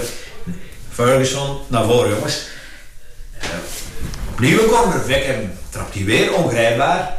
Schmeichel bleef nu wel eh, in zijn doel. En die bal valt voor de voet voor Solskjaer. Eh, dat geen wereldvoetballer was, maar één ding heel goed kon. eh, genre Erwin van den Berg. Op de juiste plaats staan eh, in het strafschopgebied, binnen het kleine strafschopgebied. En hem dan nog in het kleinste gaatje binnen kunnen werken. Dat kon Solskjaer. En het wordt 2-1 in de laatste minuut. Dus dat was een ongelofelijke maand die eh, voor Manchester United, die, die de club eigenlijk deed daveren op zijn grondvesten enerzijds, met alleen maar overwinningen. En de Champions League even een ander karakter gaf, even een ander gezicht. En George Best, mijn favoriete speler, die zat dus in de hoofdtribune, die kon het niet meer aanzien en die ging drie minuten eh, voor het eindsignaal naar beneden, omdat hij dacht, ik wil hier zo snel mogelijk buiten. Eh, die komt beneden. Intussen is het 2-1 geworden, maar die wist van niks. En die werd daar bestormd door United. hij is daar niet meer geraakt. dus dat Dit is een eh, fantastisch verhaal. Hij was populairder uiteindelijk Ja. toen nog, als hij 50 jaar was gebouwd, dan de spelers van eh Bleek, dan de spelers van United zelf. Ja, want eigenlijk is het wel straf dat je, je komt achter tegen Bayern München. Dat wordt altijd heel moeilijk om daar dan tegen kunnen te winnen. Want als die voorkomen, die Duitsers geven niet op. En toch, eh, eh, toch het... ehm, want want hoe heeft Matthäus na die wedstrijd gereageerd dan? Ja, hij was geblesseerd, hè. Eh, maar hij, alleen als Matthäus denkt, eh, ik moet hier blijven staan, dat soort speler was hij wel, dan, dan weet hij ook wel. Maar heeft hij daarover gepraat eraf? Ja, ja, hij heeft achteraf gezegd, ja, ik had er niet mogen afgaan, eh, ik had moeten blijven, ik had moeten doorbijten, dus nog met een halve teen. eh, Want tenslotte, het was de laatste wedstrijd van het seizoen voor ja. hem. Dus hij dacht, het is in kan er een ruiken. Ik gun een andere iets. eh, maar op dat moment viel dus Bayern. Eh, ja, viel de strategie van, van, van, van, van Bayern eh, aan diggelen. Hè. En pakte United toch het middenveld. Wat ze niet gekund hadden, om, omwille van, zoals ik het heb uitgelegd, dat drie van de vier, twee van de vier er niet bij waren en één op een positie stond die hij niet aankomt. Want dit kan je gebruiken als trainer als voorbeeld. Hè. Als je 1-0 voor staat, nog een kwartier, eh, mag je eigenlijk niet jouw beste speler vervangen. Nee.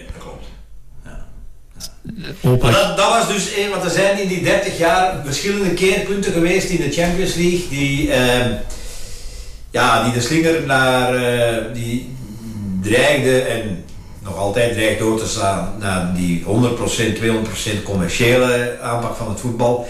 Die voor de eerste keer heeft gezegd toen, voor de eerste keer is er toen een supportersbeweging opgestaan. eh, bij, niet voor niks bij Manchester United, omdat hij die cultuur wel heeft, die traditie heeft, die gezegd heeft nee, Oké. Is het goed dat we nu iemand ook die je enorm graag hoort, Rory Gallagher, Ja, eh, zo'n, ja, die overwinning van Manchester en dan Rory Gallagher, dat, dat past wel samen, denk ik. ik denk wel. Ik weet niet of hij veel van voetbal liep, maar het zou best kunnen dat gezien de Ierse invloeden in de club historisch gezien ook, dat hij, en ook George Best, hij is een leeftijdsgenoot van George Best, dat hij, eh, dat hij toch sympathie had voor, eh voor United. Ik denk zeker voor United, niet voor City, denk ik. Nee, voor United. Ja, ja, ja. ja. Oké, hier komt hij. Het is live, hè? Live, Million Miles Away. Eh, I'll just it down a little bit on this one. It's a new song called A Million Miles Away. Hope you like it.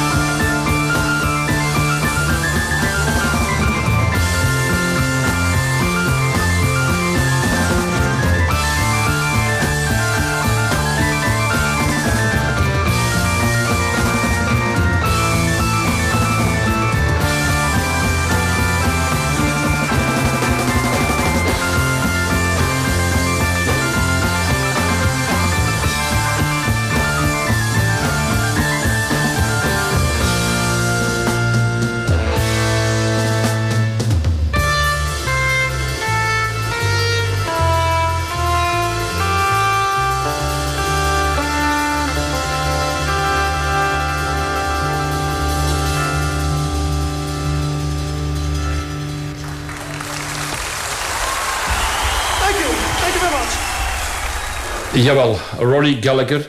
Ehm, die plaat, eh, dat is live. Dat du- duurt 9 minuten 34.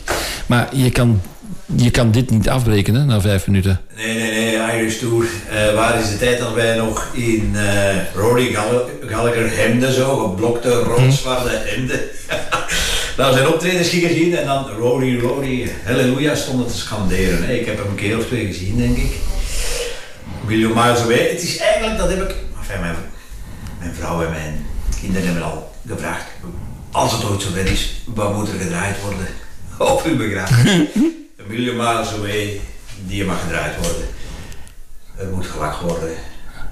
Dat- Ze moeten vrolijk zijn. Het is een nummer waar je vrolijk van wordt. Oké, dat is fantastisch gewoon. Ehm, Komt toch ook? ja, ja, hij zou ook... Ik denk dat hij bij, bij Manchester wel gepast had met die naam. hij- Gallagher, ja. best, eh, wat zou je hem gegeven hebben? Eh, wat zou die moeten geweest zijn voor jou was van speler? Eh, keeper, voorspeler of spits? Of of middenvelder? Ik denk dat Rory Gallagher op zijn best was als speler net achter de spitsen zo. Ehm, hij was ook weer iemand die niet, in de, niet hield van aandacht, maar hij was toch een creator. Want men zegt altijd, white man can't play the blues, but Rory Gallagher could. hij kon het absoluut, de blues spelen. En hij heeft eh, enorm eh oeuvre gemaakt dat te weinig gekend is. Maar eh, hij was een creator. Ja. Hij, hij gaf zijn eigen... Ja, hij mengde bluesstijlen eigenlijk. Een stukje met rock, maar het was toch ook geen rock blues. Maar het was zeer... Ja, het, is, het was Zeer specifiek Rory Gallagher, punt. Oké, Raf, ik heb een idee. Eh, Wil jij een verhaal maken van Rory Gallagher als speler van Ma- Manchester United en ze winnen de Champions League? Eh, Zou je dat kunnen? Nee, omdat hij niet, eh, hij was een jaren 60, 70 figuur. Hij past niet in het eh, huidige tijdperk. Nee, maar je kan het wel terug naar de jaren 60, 70. Hè? Je kan hem best laten spelen. Ja, de ontbrekende schakel daar. Ja. Afgesproken dan? Oké, Raf, we gaan door met eh, ja, over Champions League. Eh, ja, over jouw boek, hè. De helden van de Champions League. Wie mag er nog niet ontbreken? Wel, ik zou een beetje willen doorborduren, want we gaan straks toch ook weer in andere uiter- uiterste vervallen. Maar die, die beweging die ontstaan is eh, dankzij United, fans, eh, dus tegen het commerciële, dat ook uiteindelijk eh, clubs dreigden mee te sleuren naar het eh, financiële ravijn. Ik wil nog, toch nog één keer terugkeren naar eh, Barcelona. Ehm, waarom? Omdat Barça het slachtoffer was van, van die kijk. We geven zoveel, twee keer ook vandaag, maar toen, in 20 jaar geleden, voor de eerste keer, we geven zoveel geld uit eh, als we kunnen. De salarissen laten we maar stijgen, alle plafonds doorbroken worden. eh, onder invloed van makelaars, die, eh, toen begon dat. Die, die, die, er zijn goede makelaars ook, pas op. Maar die, die, die stroming van makelaars die maar één ding op het oog had, namelijk geld uit het voetbal sleuren. Daar heb ik een 100% hekel aan. Dat is toen ontstaan rond de, rond de eeuwwisseling, begin 21e eeuw. Onder invloed van die Champions League. Er kwam een enorme geldmassa in het voetbal die er niet eerder was geweest. En toch zag je het gebeuren dat clubs failliet gingen. Terwijl ze nog nooit zoveel geld hadden binnengehaald. Dankzij de televisierechten, dankzij andere commerciële rechten. Het werd uit, uit, de, uit de clubs getrokken. Hè. Het was ook eh, het tijdperk van, van Bosman, het arrest Bosman, dat eh, alle macht van de clubs deed verschuiven. Terecht een stuk naar de spelers. Maar onterecht werd dat dan een stroming die misbruikt werd door de spelers en hun entourage, zijn die makelaars, die alleen maar eh, bezig waren met de zelfverrijking. Samen met die spelers en die coaches. Ze zijn alle drie schuldig. Barcelona was failliet, 20 jaar geleden. Echt failliet. Een ruïne. Werd gered door een gelijkaardige supportersbeweging als bij Manchester United.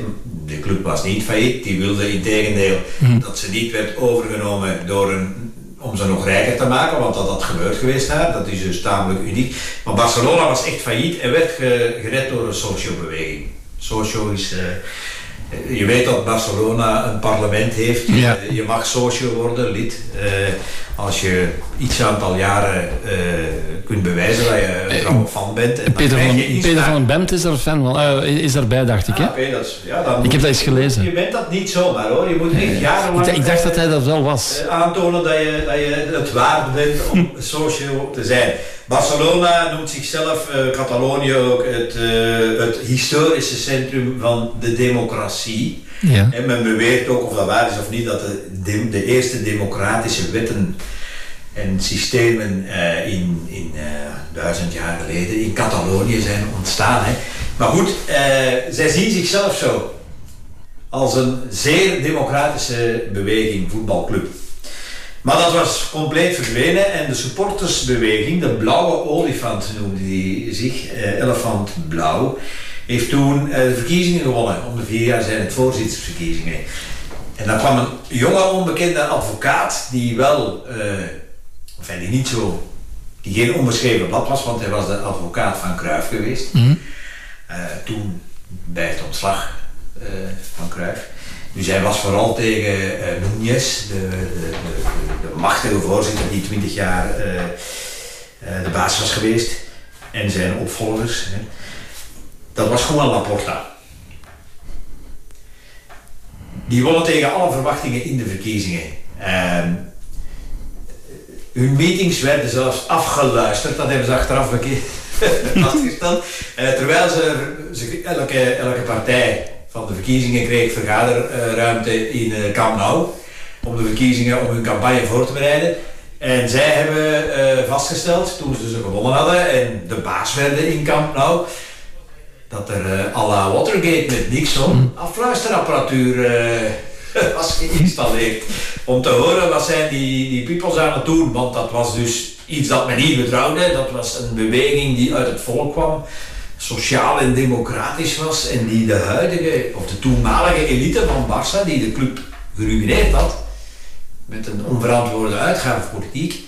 En eh, ook helemaal was weggegaan van de, de, de jeugdopleiding. Die die buiten wou. Dat was een revolutie. En zij wonnen dus de verkiezingen eh, met een ongezien succes, ongezien verschil in eh stemmenaantal. En zij eh, begonnen dus met een nieuw beleid. Hè, dus voor het eerst kwam er reclame op de, op de shirts, want dat was in 100 jaar verboden geweest. Maar men zei, ja, we kunnen dat niet blijven eh, doen. Maar als het dan toch iets is, dan moet het iets fatsoenlijks zijn en Barca spelen met UNICEF. En gaf, ik weet niet of je die 0,7% regel kent om dat bedrag aan ontwikkelingssamenwerking te geven. Dat is zo'n regel in Europese landen. Van, we- of, of op zijn minst, eh, we moeten 0,7% afstaan waar geen enkel land aan voldoet. Zelfs dat kunnen wij niet. Maar Barca zei, wij geven 1% aan UNICEF Ja. jarenlang geduurd. Waarmee UNICEF dan voetbalgerelateerde projecten opzette eh, in, in eh, landen in Afrika en Azië, Latijns-Amerika. Vervolgens eh, terugkeer naar de jeugdopleiding. In plaats van dure spelers te kopen, willen we dat er geïnvesteerd wordt in eh, La Masia. En we willen volgens de methodes van Johan Cruijff. Ja, ja, ja, ja. Dus Rijkaard werd binnengehaald, want Cruijff zat daar natuurlijk ook nog eh, mee aan tafel en zat achter de schermen ehm, eh, mee te beslissen. Eh, op een bepaald moment moest er een keuze gemaakt worden tussen Mourinho en Rijkaard. En men koos voor Rijkaard. Rijkaard had nog niet veel bewezen en Mourinho had al met Porto de Champions League gewonnen, maar hij koos toch onder de invloed van voor Rijkaard. Maar hij was ook goedkoper als Mourinho. Ja. Ja. Ehm, maar dan stellen we dus vast, La La Masia wordt opnieuw eh, het centrum van het beleid, van het sportieve beleid. En wat gebeurt er? Ehm, vijf jaar later, eerst met Rijkaard in 2006, want toen hadden ze nog wel wat oudere vedetten van vroeger. Eh, vooral vijf jaar later, eh, ook nog altijd met eh, Drie jaar later, in 2009, ook nog altijd onder bewind van Laporta, met Pep Guardiola als opvolger van Rijkaard, die weer uit het B-team kwam, net zoals destijds ehm, als speler, wint de Champions League in 2009 met zeven of acht spelers die uit La Masia kwamen. Dat is toch een vorm van een sprookje, vind ik, een moderne sprookje. Eh, dus eh noem ze allemaal maar op. Hè. Je had eh, de keeper Valdes, je had Puyol, je had Piqué, verdedigers. In het middenveld had je trio, het allerbeste middenveldtrio uit de geschiedenis van het voetbal, vind ik, wereldvoetbal. Xavi, Iniesta, Busquets. Die, die dat driehoekje tot in de perfectie, tot op de eh, kleiner dan een millimeter moeten, moeten meetkundige eh, omschrijvingen zijn die kleiner zijn dan een millimeter. Ik ken niks van wiskunde of rekenen, maar tot, tot, tot op iets dat kleiner was dan een millimeter beheerste die dat driehoekspel. En dan vooraan natuurlijk de grootste aller tijden, Messi. Dus die stonden daar met eh, opgeteld zeven spelers uit de eigen opleiding. Wonnen die de Champions League. Dan deden ze het goede werk voor UNICEF. En met een, een spelsysteem dat niet eerder was opgevoerd in het wereldvoetbal. Als je nu zegt, wat is het mooiste voetbal dat ooit vertoond is, eh, op clubniveau, dan kom je bij Barcelona van Ja, uit. Maar hoe, hoe komt het dan? Hè? Want je, je praat eh, zeven spelers uit de, uit de jeugd, eigen jeugd. Ehm, het brengt ook het meeste op, denk ik. Dat je, dat je dat nog overal ziet. Je koopt hier, maar in België is dat verschrikkelijk gewoon. Ze kopen derde rangs voetballers. Eh, ze hebben een speciale naam. Hè? En dan denken ze al dat ze, kunnen, allee, dat ze iets gekocht hebben. Ja, je zakt daarmee. Of je, je geraakt er Europees niet verder mee. Is dit geen bewijs dat je toch wel eh, met de eigen jeugd moet werken? Ja, eh, dat, dat is de macht van de makelaars, hè, die er belang bij hebben. Dat Klopt. Maar dus het, ook in 1999, Manchester United, ons vorige verhaal, dat was net hetzelfde. In eh, United had jaren niks meer gewonnen, niks werkelijk. Het was van in de jaren 60 geleden dat ze nog kampioen waren gespeeld. En Ferguson heeft toen ook gezegd, ik smijt alle oude verzitten buiten. En ik begin met, eh, opnieuw met, eh, met de jeugdacademie die vroeger stond Manchester United daarvoor bekend in de tijd van Matt Busby. Ik begin daar opnieuw mee. En de, de Club of 92 wordt die genoemd. Die werd kampioen van Engeland, want in Engeland is dat echt een, een kampioenschap dat ernstig wordt genomen. En daarin spelen dus die, die broers Neville, eh, Paul Scholes, Nicky Butt, David Beckham, eh, Ryan Giggs, ik vergeet er nog een, eh, want uiteindelijk zes of zeven van die mannen stonden ook in, zeven jaar later in de ploeg die de finale had bereikt of, of de weg naar de die de treble had gewonnen. Dus dat is ook het bewijs als je investeert in een goede opleiding van jonge spelers, als je daar een traditie van maakt, Van Gaal had dat ook gedaan met Ajax in 95, dan, dan loont dat. Natuurlijk, eh, dat kost geld. Natuurlijk betekent dat ook dat je die spelers binnen moet houden, dat je die niet na twee jaar moet gaan verkopen eh, en daar ook poen op pakken. En dan weet ik niet wie passeert er allemaal mee langs de kassa, want dat is een onduidelijk kluwen. Eh, maar dat loont voor de club op termijn, maar niet voor iedereen die om de club hangt. Dat is duidelijk. Oké, eh, Raf, we gaan nog naar muziek luisteren. En dan gaat eh, misschien wel voor ons Belgen de belangrijkste persoon... eh, daar ga je het dan over hebben, denk ik. Hè? Daar gaan we dan ook moeten mee afsluiten, want het is al... Zijn we al zover? al- ja, we zijn al zover, spijtig. Ehm, maar eerst wat muziek.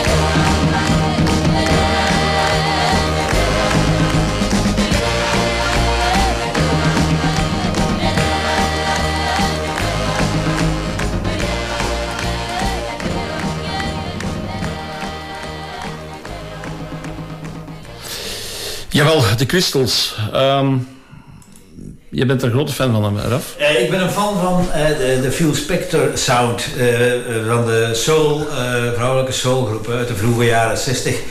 Ik ga hier eh, een balletje opgooien en een pleidooi houden om die muziek in de stadions te brengen. En ik garandeer je, One Fine Day, eh, de Ronettes, eh, Be My Baby, eh, de Do Do Run. Mensen gaan erop meedansen. Daar ben ik 100% zeker van. Dus in plaats van een kwartier alleen maar Tomorrowland, minstens vijf minuten Phil Spector soul, vrouwelijke soulbands uit de vroege jaren 60. En als we een doelpunt maakt, hoe zie je dat dan? Dat mag dan, dat mag dan om het even was. Oké. Raf, gaan we het eens hebben over Thibaut Courtois? Thibaut Courtois. De keeper der keepers. Want we hebben het toch niet over Real Madrid gehad, of toch weinig? Nee, Real Madrid is natuurlijk de club die het hoogste aantal overwinningen heeft gehaald in die Champions League. Een heel apart, een echt instituut. Hè? Dus ik dacht dat ze nu opgeteld aan nummer 14 zaten, maar wel 8 in de 30 edities. Dus waar het winnen in degene gebeiteld zit. En ze winnen vaak onverdiend. En tussen aanhalingstekens ook met geluk. Maar ze dwingen dat natuurlijk ook af. Als je die, ze hebben er nu vijf gewonnen geloof ik de laatste eh, acht jaar. Ontleed even in de noten op die vijf wat ik in het boek gedaan heb. Eh, in vier, 2014 stond Courtois aan de andere kant bij Atletico Madrid. Tot in de 89ste minuut was het 1-0 voor Atletico. Ja, ja, en toen eh, pas maakte Real gelijk en dan in de verlenging gingen ze erover 4-1. In 16 was het opnieuw Real Atletico. 1-1 strafschoppen. Carrasco heeft toen nog gescoord voor Atletico. Maar Griezmann heeft een penalty gemist voor Atletico. Dus dat ook 2-1 voor hen kunnen zijn. In 17 waren ze ongetwijfeld de betere ploeg. Dat was hun, beste prestatie, vind ik, in, bijna ooit in al die jaren. 4-1 tegen Juventus, dat was 100% verdiend.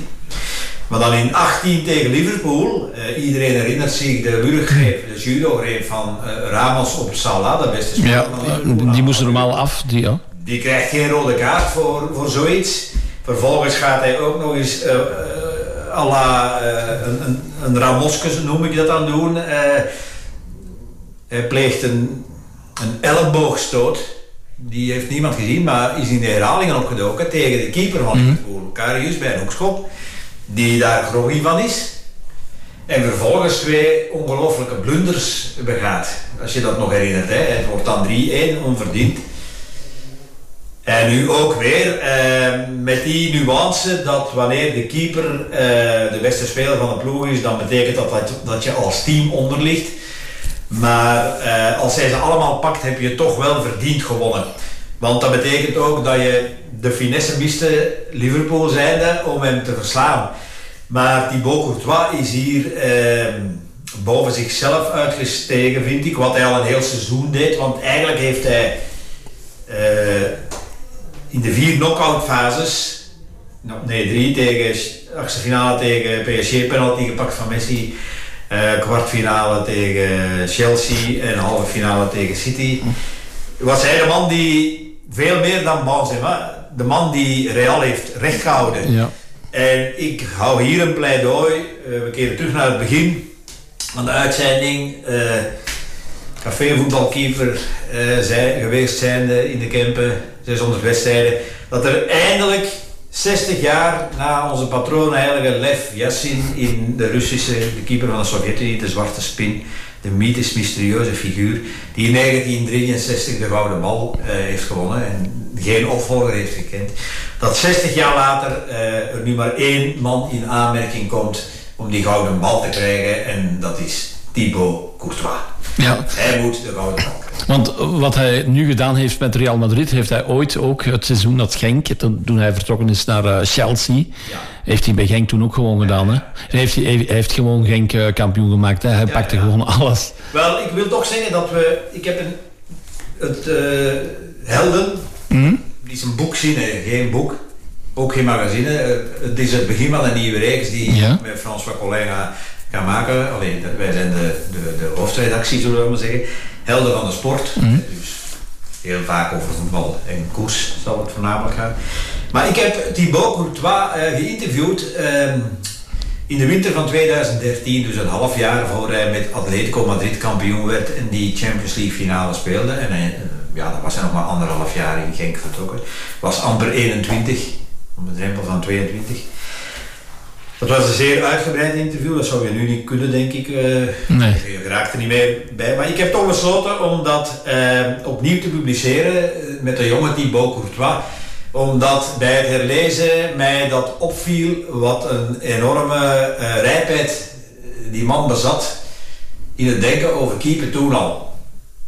Dus Courtois is het tegendeel van de spectaculaire keeper, een beetje de anti-Jean-Marie Pfaff misschien. Hè? Dat is waarschijnlijk onze tweede beste keeper aller tijden. Ehm, ja, dat zijn tegenovergestelde persoonlijkheden. Courtois is de nuchterheid zelf, hè, eh, die ervan uitgaat, ik kan elke bal eh, pakken, eh, maar het zal op mijn manier zijn. Hè. Ja, als maar- een show bij nodig is, doe ik dat zeker niet. maar hoor ik nu dat jij Jean-Marie Paf hoger schat als Michel Prudhomme? Eh, ik denk dat Michel Prudhomme eh, puur technisch, kwestie van onmogelijke ballen stoppen, was Prudhomme de beste. Maar Faf heeft een grotere carrière gemaakt. En daar is Prudhomme een beetje blijven hangen, vind ik. En maar- En het tweede ding is dat, eh, ja, ja, je moet toch maar zes, zes jaar Bayern München overleven en daar ook kampioen spelen en dan de halve finale halen met de Rode Duivels, de finale. Prudhomme heeft dat niet gekund met de Rode Duivels, terwijl hij ook op dat moment wel de beste van de wereld was, net als Faf. En kampioen spelen met Standaard is toch weer iets anders dan ka- kampioen spelen met Beveren. Ja? Eh, maar Dus, eh, maar nogmaals, ze houden elkaar in balans. Het zijn totaal andere types. eh, als je nu Courtois Courtois heeft, heeft gevolleybald, hij heeft gevolleybald. Hoe belangrijk is dat geweest voor zijn carrière, denk je? Waarschijnlijk heel belangrijk, omdat daar ja, finesse met een bal in zit. En maar vooral, een goede volleyballer is uitstekend in het duiken. Eh, of enfin, ik, ik kon één ding bij volleybal, op het allerlaagste niveau, ook op het cafévoetbalniveau. En dat waren zo onverwachte ballen nog weghalen. Omdat ik ook een keeper was Ja. tegelijkertijd. En dat helpt, hè. dat helpt zeker. Balgevoel, maar ook reflexen leren hebben, want je moet naar ballen gaan die je niet meer verwacht, Nee, die net boven de grond eindigen en die nog naar boven halen. En dat zal hem zeker geholpen hebben. Maar ik vind Courtois eh, op weg naar, ik vond Neuer, allee, als je de echte opvolger van Yassin vind ik Neuer, omdat hij alles beheerst. Het voetballen in aanvallende ploegen spelen met de Mannschaft en Bayern, terwijl Courtois toch bij Real en Atletico en Chelsea in meer defensieve ploegen stond. Maar ik vind dat hij nu bezig is met die laatste stap te zetten. Je ziet hem ook nu. Hij is ook heel stressbestendig, hè? uitvoetballen. Hij heeft zeker slechte jaren gehad, vind ik. Ook slechtere wedstrijden met de Duivels gespeeld. Maar dit jaar is hij, steekt hij boven iedereen uit. En zelfs op zo'n niveau dat hij beter is dan de speler. Hij heeft die wedstrijd gewonnen, punt. Ja, dat klopt. Dat, Ehm, dus hij verdient nu om de gouden bal te krijgen. Oké, Raf Willems heeft het gezegd. Dus als het zover is, die gouden bal, kom je opnieuw terug om daarover te praten, over de gouden bal. Is maar dat ik goed? wil wel zeggen dat de helden van de Champions League het eerste deel is van een serie boekzinnes. Helden Ja. van de sport. Over drie weken, Bart Lamers brengt dan Helden van de Tour uit. We gaan er eentje maken, heldinnen van het voetbal, over het vrouwenvoetbal. François Collin en die Snelders zijn er eentje aan het maken over tien jaar oude generatie. Ja. Van de huidige Rode Duivels eh, generatie die tien jaar geleden begonnen is. Dus ja, de bedoeling is dat er eh, heel geregeld een eh, helden van... Eh, Die, en die helden van de Tour, de Courtois is daar wel Wout van Aert. Ongelooflijk. Ook een Kempenaar. De beste Wout van Aert, watcher van Ja. Vlaanderen. Je volgt hem nu al drie jaar als boekenschrijver hè, voor ons. Dus, Eh, Geniet jij, geniet jij van, ja, maar geniet jij van de Tour? Met Wout van Aert? Ikzelf? Ja. Jawel, jawel, jawel. Als, als je eh, Wout van Aert elke dag ziet, eh, ehm, en daar komt altijd de reactie van, ja, hij moet zo niet rijden, maar eigenlijk door het feit dat hij zo rijdt, heeft die Vingegaard wel drie minuten gepakt op... Ja, en eh, ik vind het toch wel goed dat er eens iemand anders rijdt dan altijd Ja. eh, dat defensief gedoe. Oké, mooi. Raf, mogen we jou bedanken? En ik zou zeggen, ehm, tot later denk ik, hè, want we gaan jou hier nog wel eens mogen Nee, uitnodigen. dank jullie. Ik, ik zeg het altijd, eh, Radio Benelux is de beste radio van de Benelux.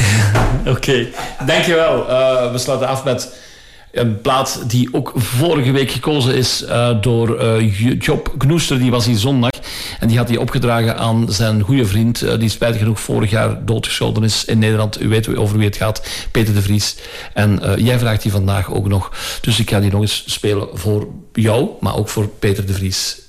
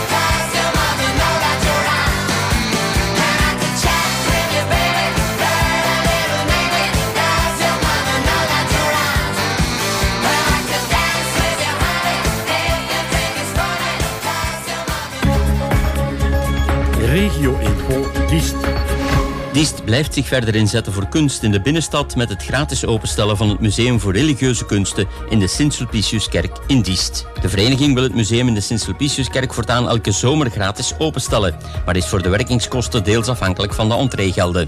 De stad Diest heeft daarom besloten om jaarlijks 1500 euro te geven aan de koninklijke vrienden van de Sint-Sulpiciuskerk om de gratis openstelling mogelijk te maken. Op deze manier is de stad Diest alweer een museum rijker dat voor iedereen toegankelijk is. Deze zomer kan je dus weer gratis het museum in de zogenaamde Grote Kerk van Diest bezoeken. In de zomer van 2021 trad de Demer buiten zijn oevers en begon een gevecht tegen het water. Maar vergeten we met deze verwoede strijd niet wat de Demer door de eeuwen heen voor de stad Diest en haar inwoners heeft betekend. Luister tijdens de wandeling Demeren door Diest mee en laat je verrassen tijdens een gegidste wandeling met een Demerliefhebber. De start is aan bezoekerscentrum Webbekomsbroek. Deelname is gratis, maar je moet vooraf wel reserveren via 013 35 32 74 of via mail info. Wat is er leuker dan je eigen dekentje spreiden, allerlei lekkers uit je tas te nemen en je batterijen op te laden op een idyllisch picknickplekje? Je hoeft niet eens je hoofd te breken over wat je gaat meenemen om te eten dankzij Collect Your Picnic. Kies op de menukaart uit de specialiteiten die lokale handelaars aanbieden. Bestel ze en haal ze op tijdens een leuke wandeling langs de horecazaken. Bij Toerisme Diest kan je, zo je wil, ook een tof rugzakje kopen voor 5 euro. Dat zal je eten fris houden en bovendien krijg je ook enkele leuke extra's, zoals het kaartje met picknickspots, een frisbee en toffe fiets- en wandelroutes. Bekijk het meeneemmenu via www.visitdiest.be. De aanbieding is voorzien tot en met 31 augustus. Het gratis event Summer Jam brengt jongeren al enkele jaren samen rond straatsport en cultuur. De urban ingrediënten zijn graffiti, breakdance, basketbal, freerunning, hip-hop, skate en een straatfeest. Het belooft een kolkend feestje te worden op de warande van Diest op zaterdag 30 juli vanaf 13 uur. Toegang is gratis. Op zondagen 24 juli en 28 augustus kan je gratis deelnemen aan de themawandeling Magische Gebouwenbescherming. Onze voorouders leefden in onzekere tijden.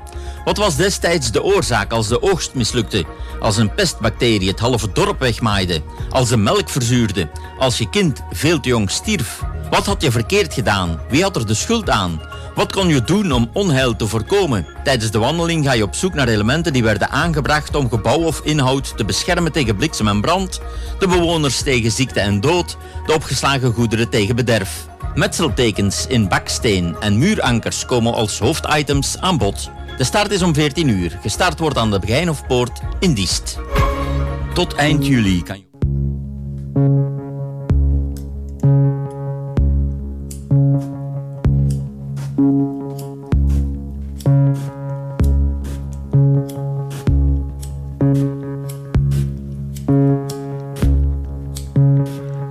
Bitches on the wire, sweet six on the land. Bitching on the board, there's a body in the end. Butter and lonely, bitching on the wire. Babes gonna cool, there's only time for fire.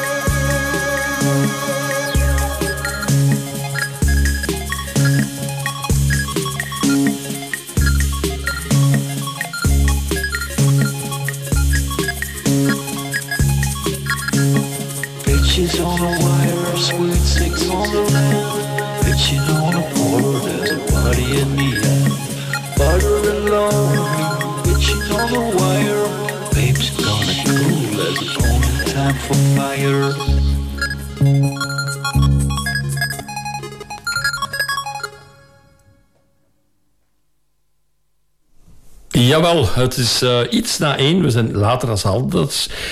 We hebben ook geen gast, maar Anita is wel aanwezig. Goedemiddag, Anita. Goedemiddag, Tim. Anita, alles goed met jou?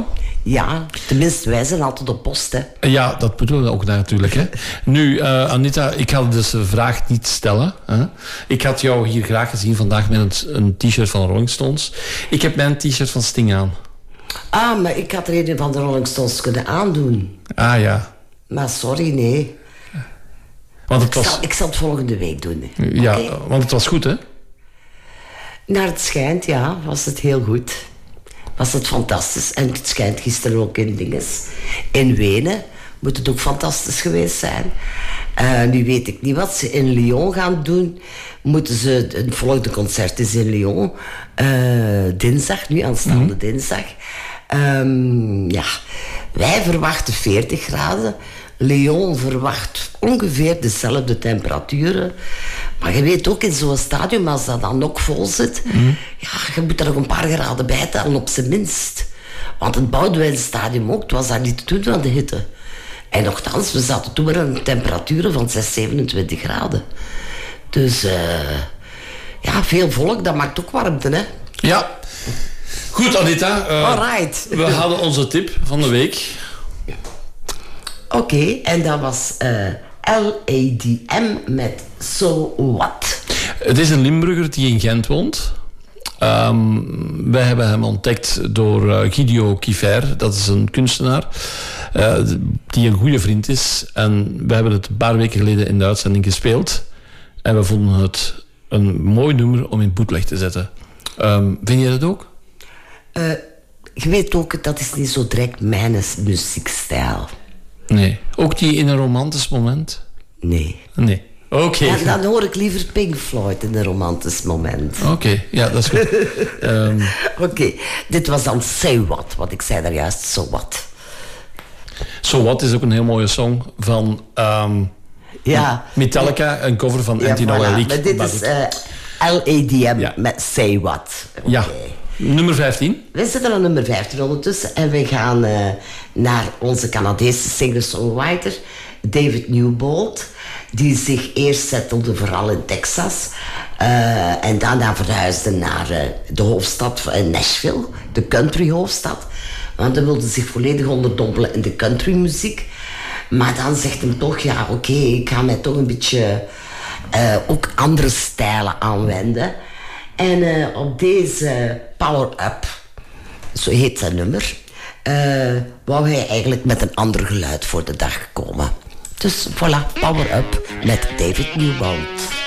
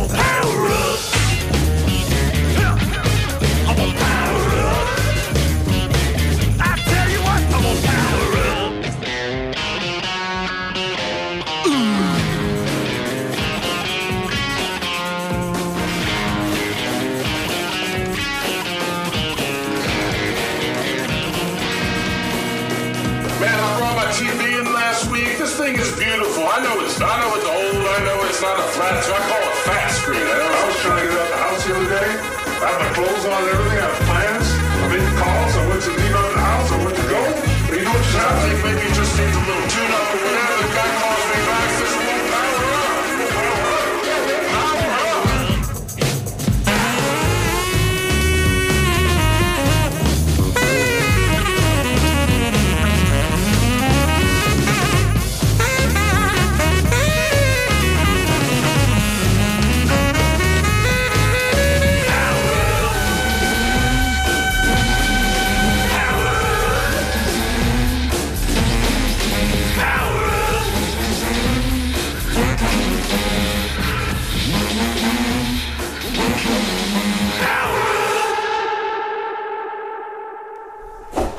Power Up. Jawel, eh, David Newbold, die komt binnenkort naar Herent. En Herent is eh, naast Leuven. Jij weet dat heel goed natuurlijk, Anita, want jij hebt in Kampenhout gewoond. Ja. Dus jij weet waar dat, dat ligt. hè? Heren is vlakbij. Ja, Dat en daar treedt hij zeker al op in september. David Eh, Newbold. Oké, ça va. Oké, we zitten ondertussen aan nummer 14. En dat is de nieuwkomer. We gaan naar David Ronaldo en de Dice. Eh, met Burn Up My Love. En dat komt uit zijn album Shoot 'em With Words. Een album dat hem eigenlijk in de eerste plaats heeft opgedragen. Eh, het is een, eh, als ode aan zijn overleden vader, de Johnny Ronaldo. Ehm, het is op Burn Up ehm, My Love. Is het eigenlijk ook Chantal Cas- Casala? Ja, de eh, zangeres, ja. Die nogal werkte met eh, Bart Peters, met Ozrak Henry, met Pierre Clouseau ook. Eh, en die hiervoor eigenlijk ook, ook voor een hoogtepunt zo, eh, zorgt. Heel zeker. Het is een erg opweep, opzwepend nummer. Dus we kunnen een, een, een keer luisteren.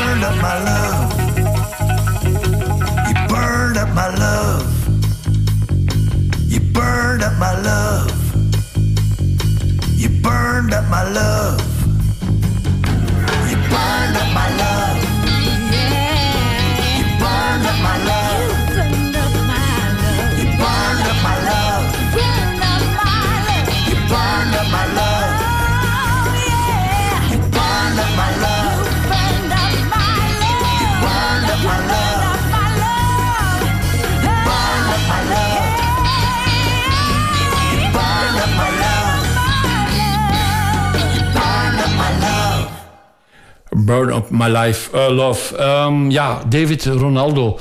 Ik had die song eigenlijk eerlijk gezegd al niet aan nooit gehoord. Tot ik die een paar weken geleden op YouTube zag.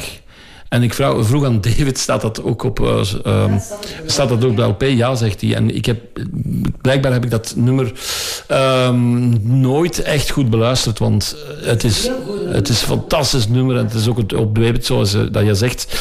En ja, David Ronaldo is altijd goed natuurlijk, hè? Ja, en dit is echt een opzwepend nummer zo. Allee, dat is iets, ja... Ja, het is, het is iets anders dan, dan die gewone andere nummers, zal ik zeggen. Ik vind, ik vind dat dat nummer, denk ik, wel uit een album eruit springt. Ja? Oké. Ja. Oké, we zitten aan nummer 13. En we gaan naar onze Genkse gitarist en singer-songwriter Davide Cavalieri met Dirty Little Creature. En eh, ik moet zeggen, volgende week de Durango-sessies, die er altijd plaatsvinden op dinsdag. Volgende week, dus dinsdag de 19e, eh, speelt hij hier live bij Radio Benelux. Ja. Durango-sessies. Met Christophe. Oké. En wie staat er dan eh, op dit? Ja, oh nee, ja, oké.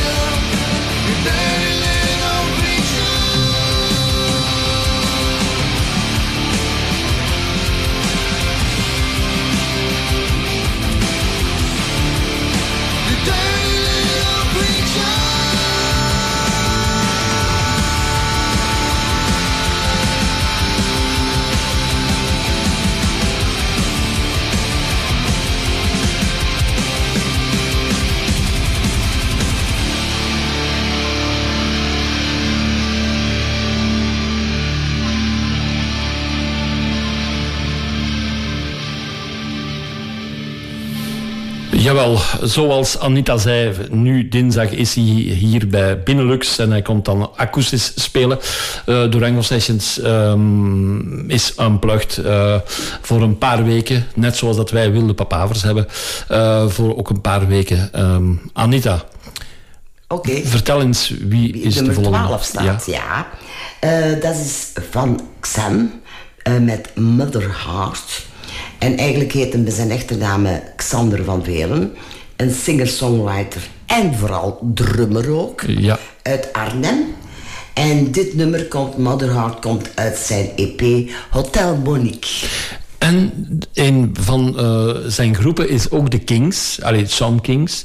Ehm, en ja, dat is de beste Kingsband uit Nederland, denk ik. Ja, Eh, want zijn vader heeft het, een boek geschreven over de Kings. En Sander is ook een heel grote fan van de Kings. En wie is nog een grote fan van de Kings? Onze Wim. Oké, right. mother love. Mother love. Since that divorce, you miss your baby girl. Mixed up emotions hidden in her own world. Is no doubt you love them both. It's so clear now you miss her the most in your mother heart. She lives in your heart. In your mother heart. Mother love, you live in her heart. Daughter's heart. Heart.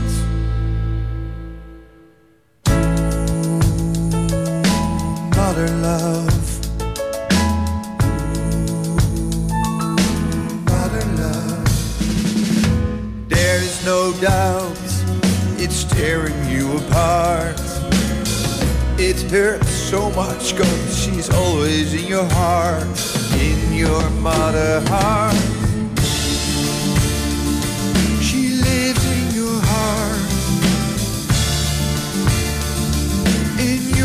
Mother heart. Mother love, you live in her heart. In your daughter's heart, heart. Mother love. Mother love. So get strength out of beautiful memories. Went through hard times and tragedies. And she won't let you go cause she needs mother love. You and she, please don't take it too rough.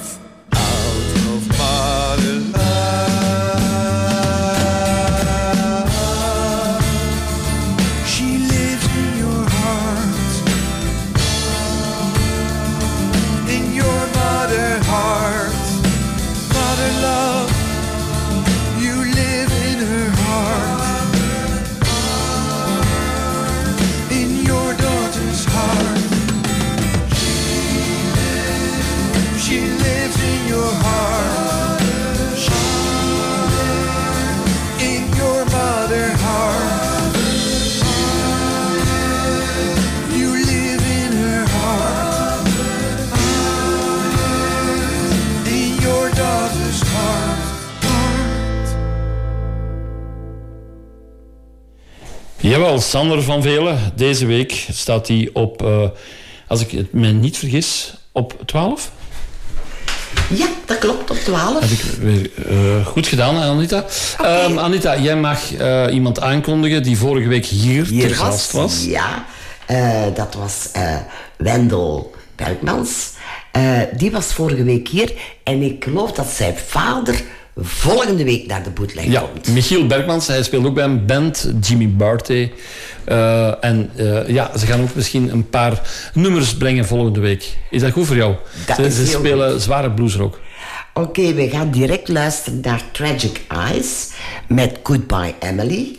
En eh, ja, Tragic Eyes is uiteraard dus een Belgische rockgroep. Ehm, en die nieuwe single komt zo een beetje uit ja, de barokke pop eh, genre. Ehm, het nummer Goodbye eh, Emily is eh, ook eigenlijk een ode aan de flower power uit de jaren 60. En eh, daar hoor je wel, want muzikaal, de opbouw, hoor je wel ergens, is de knipoog naar Ruby Tuesday van de Stones. Is het ook een beetje, ja, See Emily Play van, in qua tekst dan van Pink Floyd. En ja, No Roses voor Emily van de Zombies. Als iedereen, ik weet niet of de mensen die nog kennen. De Zombies, ooit de ja. Zombies. Maar ooit speelde de grote Colin Blunt stond daar nog bij. Oké, mooi. En je hebt die live gezien ooit, Anita? Eh, nee. Nee. Colin Blunt stond wel, maar de zombies niet. Nee, maar vind je dat spijtig dat je de zombies nooit gezien hebt? Ja, eigenlijk wel. Want eigenlijk, ik vond dat wel leuke muziek. Maar toen was ik nog te jong, toen mocht ik van thuis niet buiten. Ik mocht toen nog niet naar jazzpilsen en dergelijke gaan. Oké, vind ik ook wel spijtig. Oké, maar hier komt ehm, Tragic Eyes en Goodbye eh, Emily.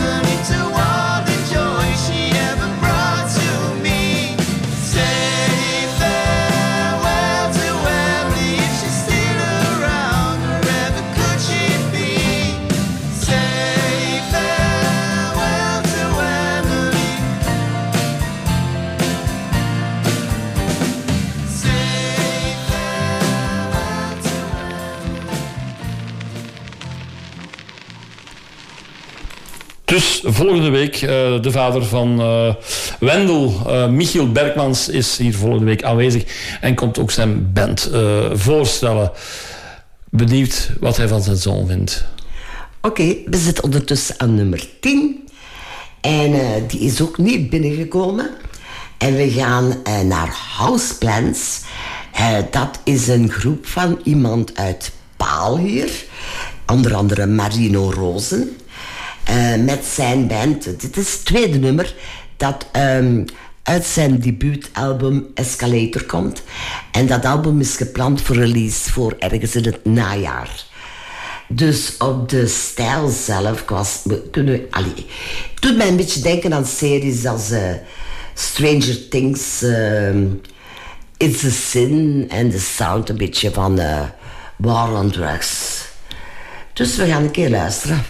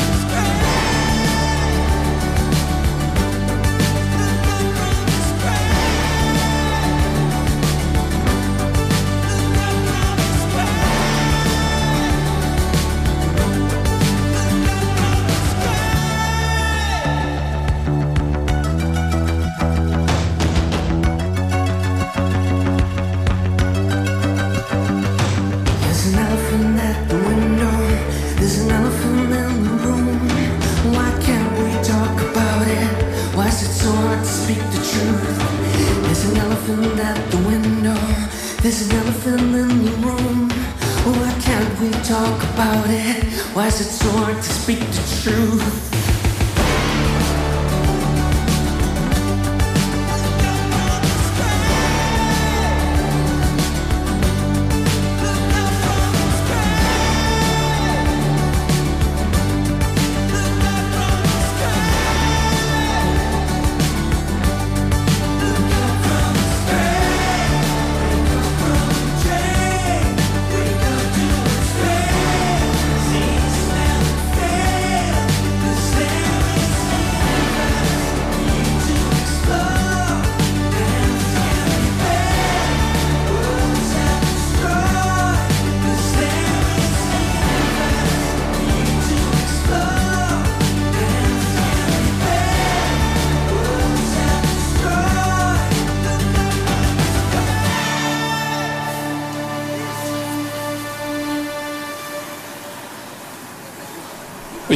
Marino Rose was dit met Houseplants. En ik dacht ook dat Sam de Nef hierbij speelde. En die speelde gisteren nog op Rock Herk. Wat eh, een fantastisch festival is. Wat dat had ik u gisteren al verteld bij de Wilde Papavers. Ja, Anita. Ja, nummer 9. wij gaan naar een synth-rock new wave band uit uh. Eh, met geen frontman, maar een frontwoman. En we gaan luisteren naar eh, Special Satellite. Een eh, boodschap eigenlijk zit erin dat ieder individu uniek is en bijzonder is. En eh, ja, dat is ergens zo. Maar we gaan een keer luisteren.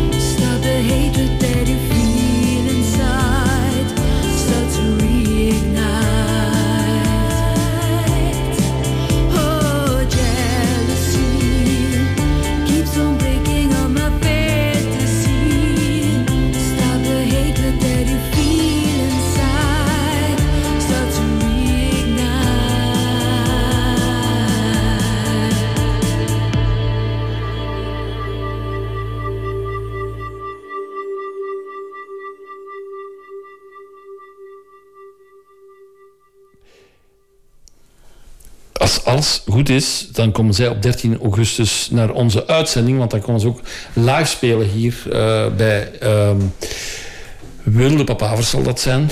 S morgens vroeg komen zij hun nieuw album voorstellen. Dat gaat uitkomen, dacht ik, in september. Ze komen naar Roeselaar, dacht ik, Anita. Is dat eh, Ja, dat juist? klopt, dat klopt. Eh, op nummer 8 hebben wij een stevige stijger. Die komt van nummer 13. We gaan naar ons duiveltje doet al Claude Perwee met Girl on the Phone. Ook uit zijn album Arbere A4. En het gaat eigenlijk over stalking met de GS gsm. En hoewel dat de titel Nederlands, eh, Engelstalig is, wordt de song toch gezongen in de taal van Molière.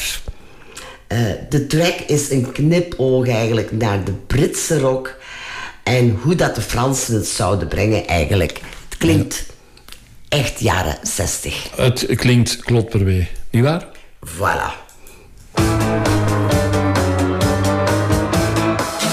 J'étais assis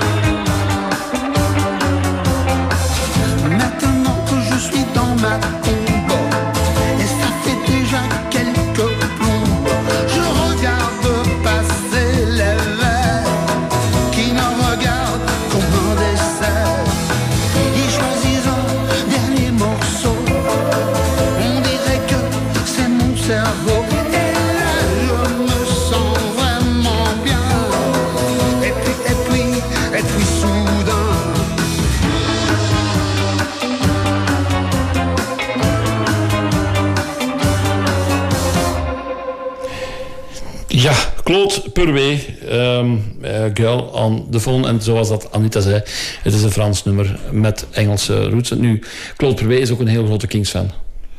Ja, en Claude Perwee is ook een hele goede producer. Ja? Ja. Wat heeft hij allemaal geproduceerd, Anita? Alles Ja, misschien? dat is nu wel een goede vraag. Nou, elke, veel Belgische artiesten, ja. Oké. En buitenlanders ook hoor. Maar die is wel bekend als de goede producer. Kon je ook altijd terugvinden in andere studio's. En ik weet dat hij vroeger nog heel veel kwam in de studio van de Jokers in Schelle. Ja. Want wij zaten daar met eh onze magazines eh, Mhm. van de persgroep, zaten wij in Schelle. En de studio van de Jokers, die is daar vlak achter. Van, allee, van de vroege, die Jokers, dus dat bestaan al lang niet meer natuurlijk. Maar, eh, en ik weet eigenlijk niet of die studio nog bestaat. Maar daar zat Claude Perwee geregeld. En die zat ook geregeld in Studio Des in Brussel. En dat ligt meer in de Marollen. Allee, de Maroelen, zou Mhm. Mick Jagger zeggen. Oké. Leuk. Eh, en- Oké, we zitten aan nummer 7. En we gaan naar eigenlijk een heel goed nummer, maar spijtig genoeg, ze komen, ja, je kunt niet blijven op één staan, hè. Ze komen van nummer 1. We gaan naar Red Red met Spoon and the Flame. Het is eigenlijk een aanklacht op de farmaceutische industrie, omdat ze in alles morfine eh, verwerkte, ook in medicijnen. Op laatste werden de mensen eraan verslaafd. En het ging vooral over een winstbejag. Maar naar de gezondheid werd er eigenlijk niet gekeken. En het is dus een soort van aanklacht met een stevige gitaarriff van eh, Steve Kullemans.